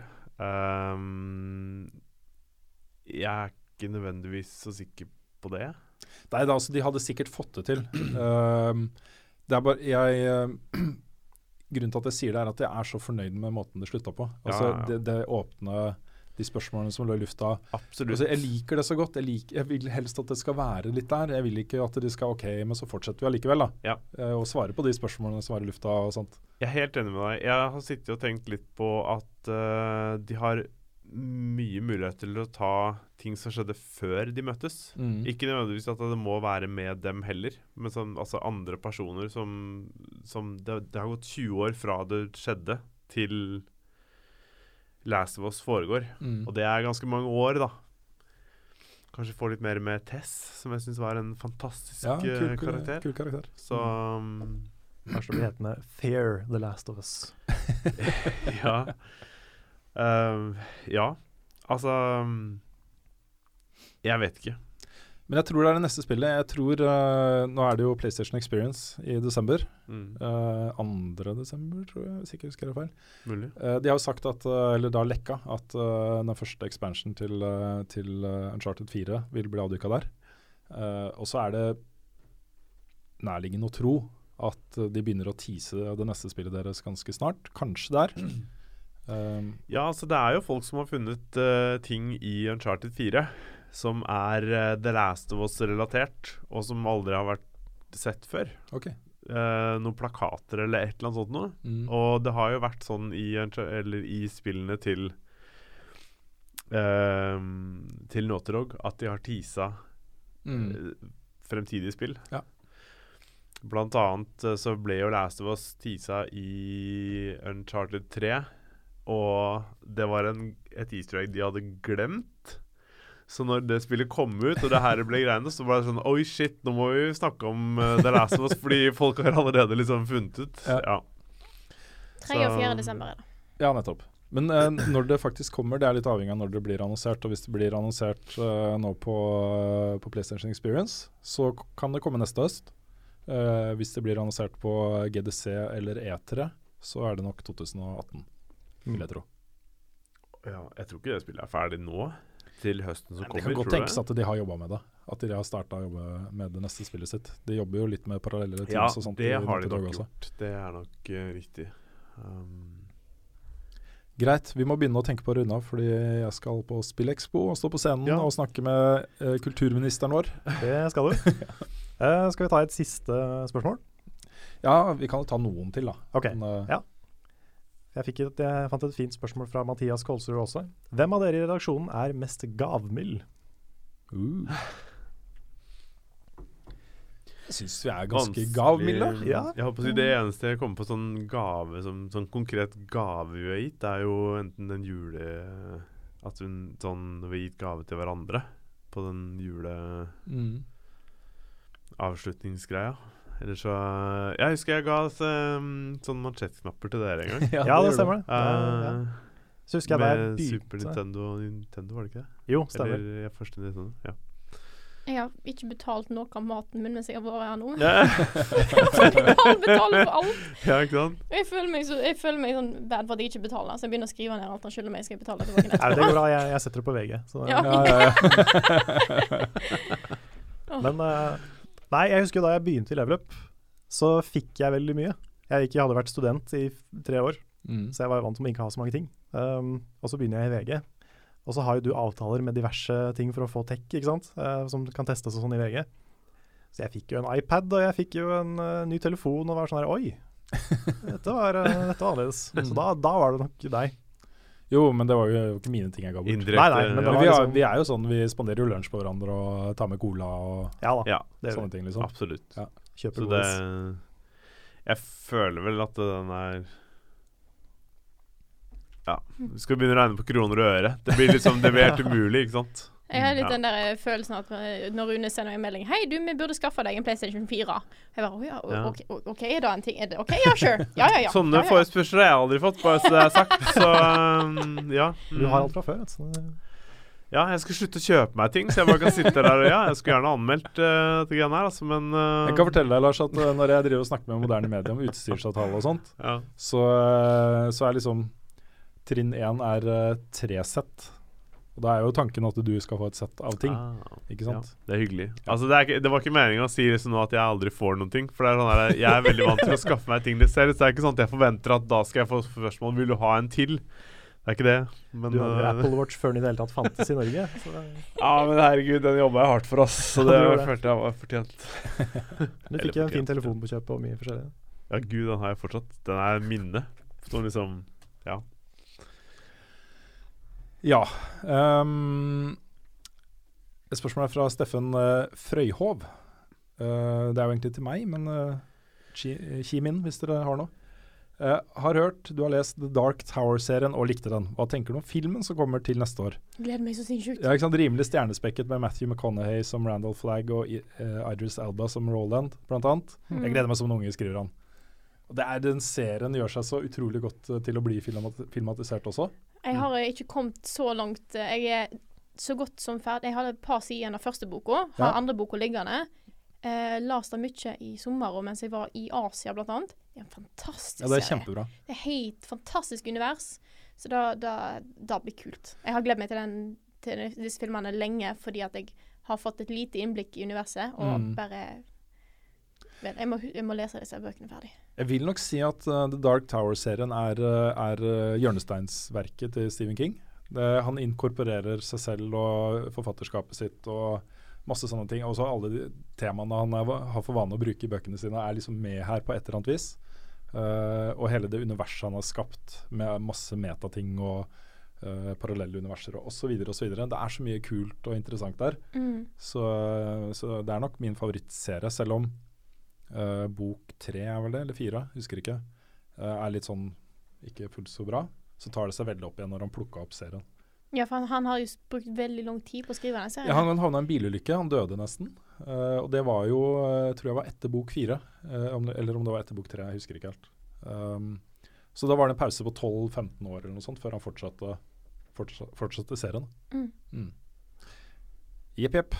Gleder meg. Mm -mm. Good Nice. Ja, har vi noen flere spørsmål? Ja, det er jo masse bra spørsmål her, men vi må snart gå, skal vi se. Uh, jo, jeg har et spørsmål her som jeg har lyst til å ta. Det er fra Jon Magnus Restad. Uh, hei, er en 35 år gammel familiefar med begrenset tid til spilling. Trenger et spill som ikke er kjempevanskelig å sette seg inn i, og ikke tar altfor lang tid å runde. Uh, runde, han skriver runde. Det må også være mulig å plukke det opp igjen etter én til to ukers pause uten at det helt ødelegger spillopplevelsen. Etter å ha sett anmeldelsen til Rune klør jeg etter å spille The Witness. Synes dere det passer inn i kategorien jeg nettopp beskrev, eller vil dere heller anbefale et annet spill? Det Jeg kan synes du The Witness er da. The Witness er et veldig bra sted å starte. Det er Ja. det, Ellers er det jo Alboy. Mm. for eksempel. Firewatch. To-tre Inside. timer. Inside. Ja, Inside. To-tre timer. Ja. Ja. Men jeg, jeg tror han ser for seg et spill som han kan kose seg med en stund, og så plukke opp nå og da, og så spille ja, litt. men dette er fortsatt bra alternativer. Ja, Stardew Valley. ja, Jesus, men det er jo Det vil jo ta litt tid, da. ja da. Den, det er litt å sette seg inn i, føler jeg. i. Men, Men The Witness eh, er veldig For da kan du ta Det er liksom øya er delt inn i veldig avgrensede områder. mm, Du kan ta ett og ett område, eller en og en puzzle-stasjon, eller et eller annet, liksom. Bare så mm. Owlboy er veldig greit, for det lagrer hver gang du kommer inn i en ny sekvens. Mm. Sånn at du, det er lett å Du kan avslutte veldig fort, og du starter på samme plassen der du avslutter. Så hvis du plutselig er da familiefar og plutselig at det er kaos med ungene, og du er nødt til å springe der, så er det bare til å ta av, så starter du på samme plassen. Mm. Så der er det mange sånne checkpoints som er, kan være greit i en sånn setting. mm. Mm. Så er det jo uh, eldre ting som Portal og sånne ting. da. Ja da. Eller så går det an å plukke opp et, eh, et uh, online-spill av et eller annet slag, som man kan spille uh, nå og da. Mm. Destiny. For eksempel. Ja. Jeg, det var ikke jeg som nevnte det. Nei, nei. Nei. Nei, det tar jo ikke lang tid. Nei da, Um, det, det gjør ikke det. Nei da, men det er lett å plukke opp fra tid til annen, det, altså. Men uh, det spørs litt hvilke ambisjoner du har, Ja. og hvor du Mm. skal du Vil du til endgame, så må du forvente å legge inn tid. Ja, Som i altså alle RPG, Ja, ja. De raidene har, man jo, har vi jo brukt liksom 16 timer på første gjennomspilling og Ja. sånne ting. Så. Ja da. Mm. Jeg ikke Pokémon? uh, Pokémon, definitivt. Mm. Når, det, når Sun and Moon kommer, så er ikke det det verste å legge fra seg i to uker. Nei. Det funker fint, det. Mm. Ja. Hmm. Nei, det er mye det bra å er, kan eh, starte med her, altså. Jeg, eh, jeg er fortsatt veldig enig med meg selv i tieren jeg ga til det spillet. Jeg tenker Mm. ofte på det, egentlig. Um, jeg har vært litt bastant på at Inside er mitt Game of the Year så langt. Men det er mulig at det er The Witness, altså. Ja, for meg er det det. Ja. Heller det enn Inside. Mm. Selv om begge er uh, amazing. Det er nok det spillet som har imponert meg mest i år, tror jeg. Mm. Mm. Og som har skilt seg mest ut. Ja, og så bare på liksom spilldesign-delen. Ja, ikke sant? Eh, Det er det som er så imponerende med det. Mm. Ja, det er så sylskarpt fokus i det spillet. Det Mm. er eh, ja, veldig bra, altså. Mm. Mm. Yes, da ett eller to spørsmål til Ok. før jeg løper eh, Løper videre. Jeg vet ikke. Har, det, har du noe, Carl? Uh, jeg har gått litt tom. Du har gått litt tom, ja. er eh, ikke så mye mer igjen her, nei. Se om jeg finner ett spørsmål til. da Jeg kan ta et litt koselig et uh, og morsomt et til slutt. Ok. Det er fra Helene Wu. Eh, Rune og Carl, jeg har fått tittet på bakomfilmen som kom ut denne uka, og la merke til noe da dere fløy til Bergen. Det er et sete mellom dere, der dere sitter. Hvem av dere var det som trengte personal space? Oh, ja. ja, jeg, jeg tenker sånn hvis det er et sete ledig, så Ja. gjør man det. Gjør man Ja, det, man, det gjør man. Ja. Det var til og med det satt jo en fyr der, men han flytta på seg, for det var så mange ledige plasser. Så sa han jeg flytter på meg, sånn at dere kan få litt bedre plass. ja, stemmer. Så, så vi satt jo egentlig ved siden av hverandre, og så satt det da en fyr eh, utenfor der igjen. Mm. Um, så, så sånn skjedde det, og da kan man jo breie ut beina litt og Ja, for det er jo trangt på fly. Ja, det, Mm. ja, det er det. Og den, vi, den første gangen vi fløy til Etere, så hadde vi jo vi tre ved siden av hverandre. Men da flytta jo du deg til raden bak, så Ja. alle tre fikk bedre plass. Det var konge. Ja, det er mye bedre.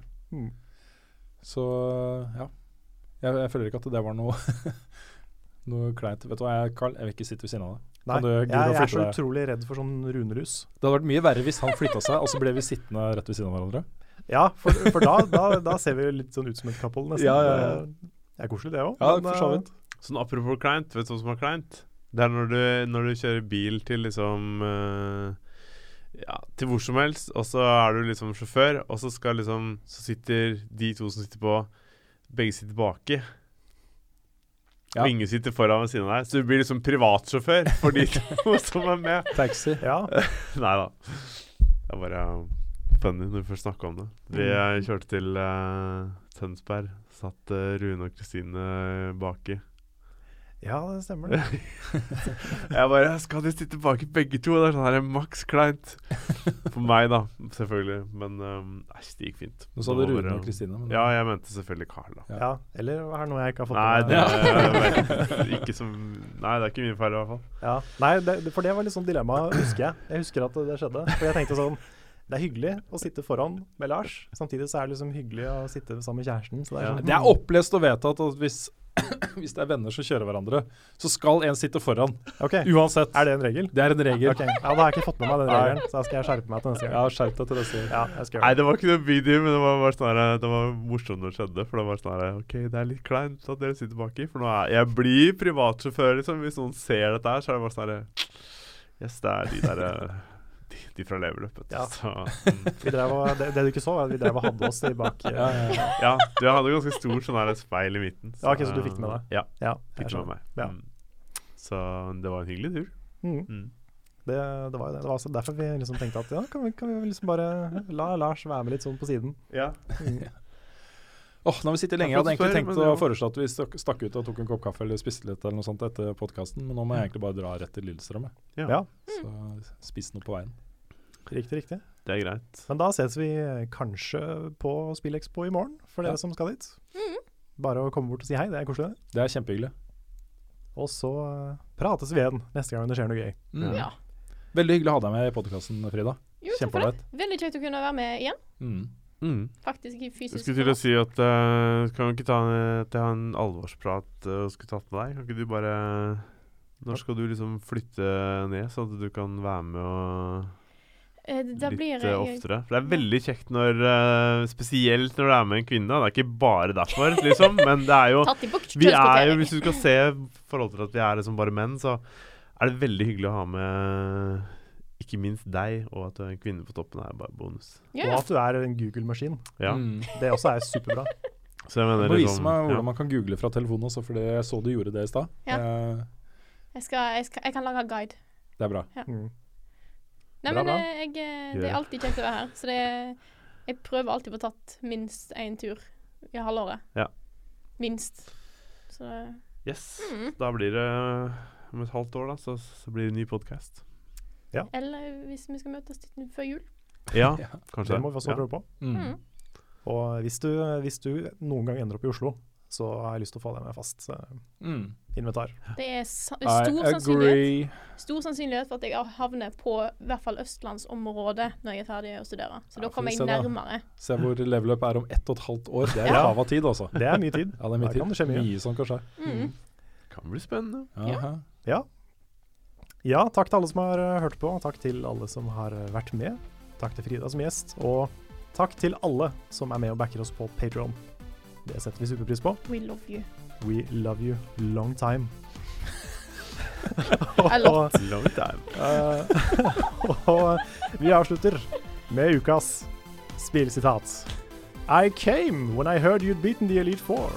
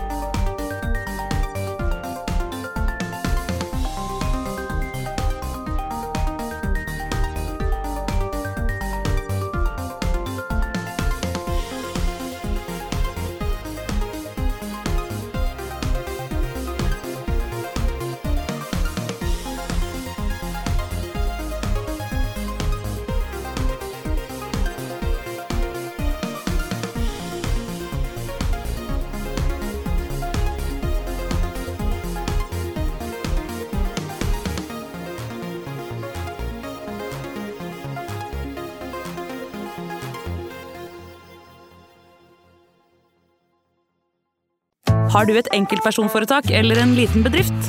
Da er du sikkert lei av å høre meg snakke om hvor enkelt det er med kvitteringer og bilag i fiken, så vi eh, gir oss her, vi. Fordi vi liker enkelt. Fiken superenkelt regnskap.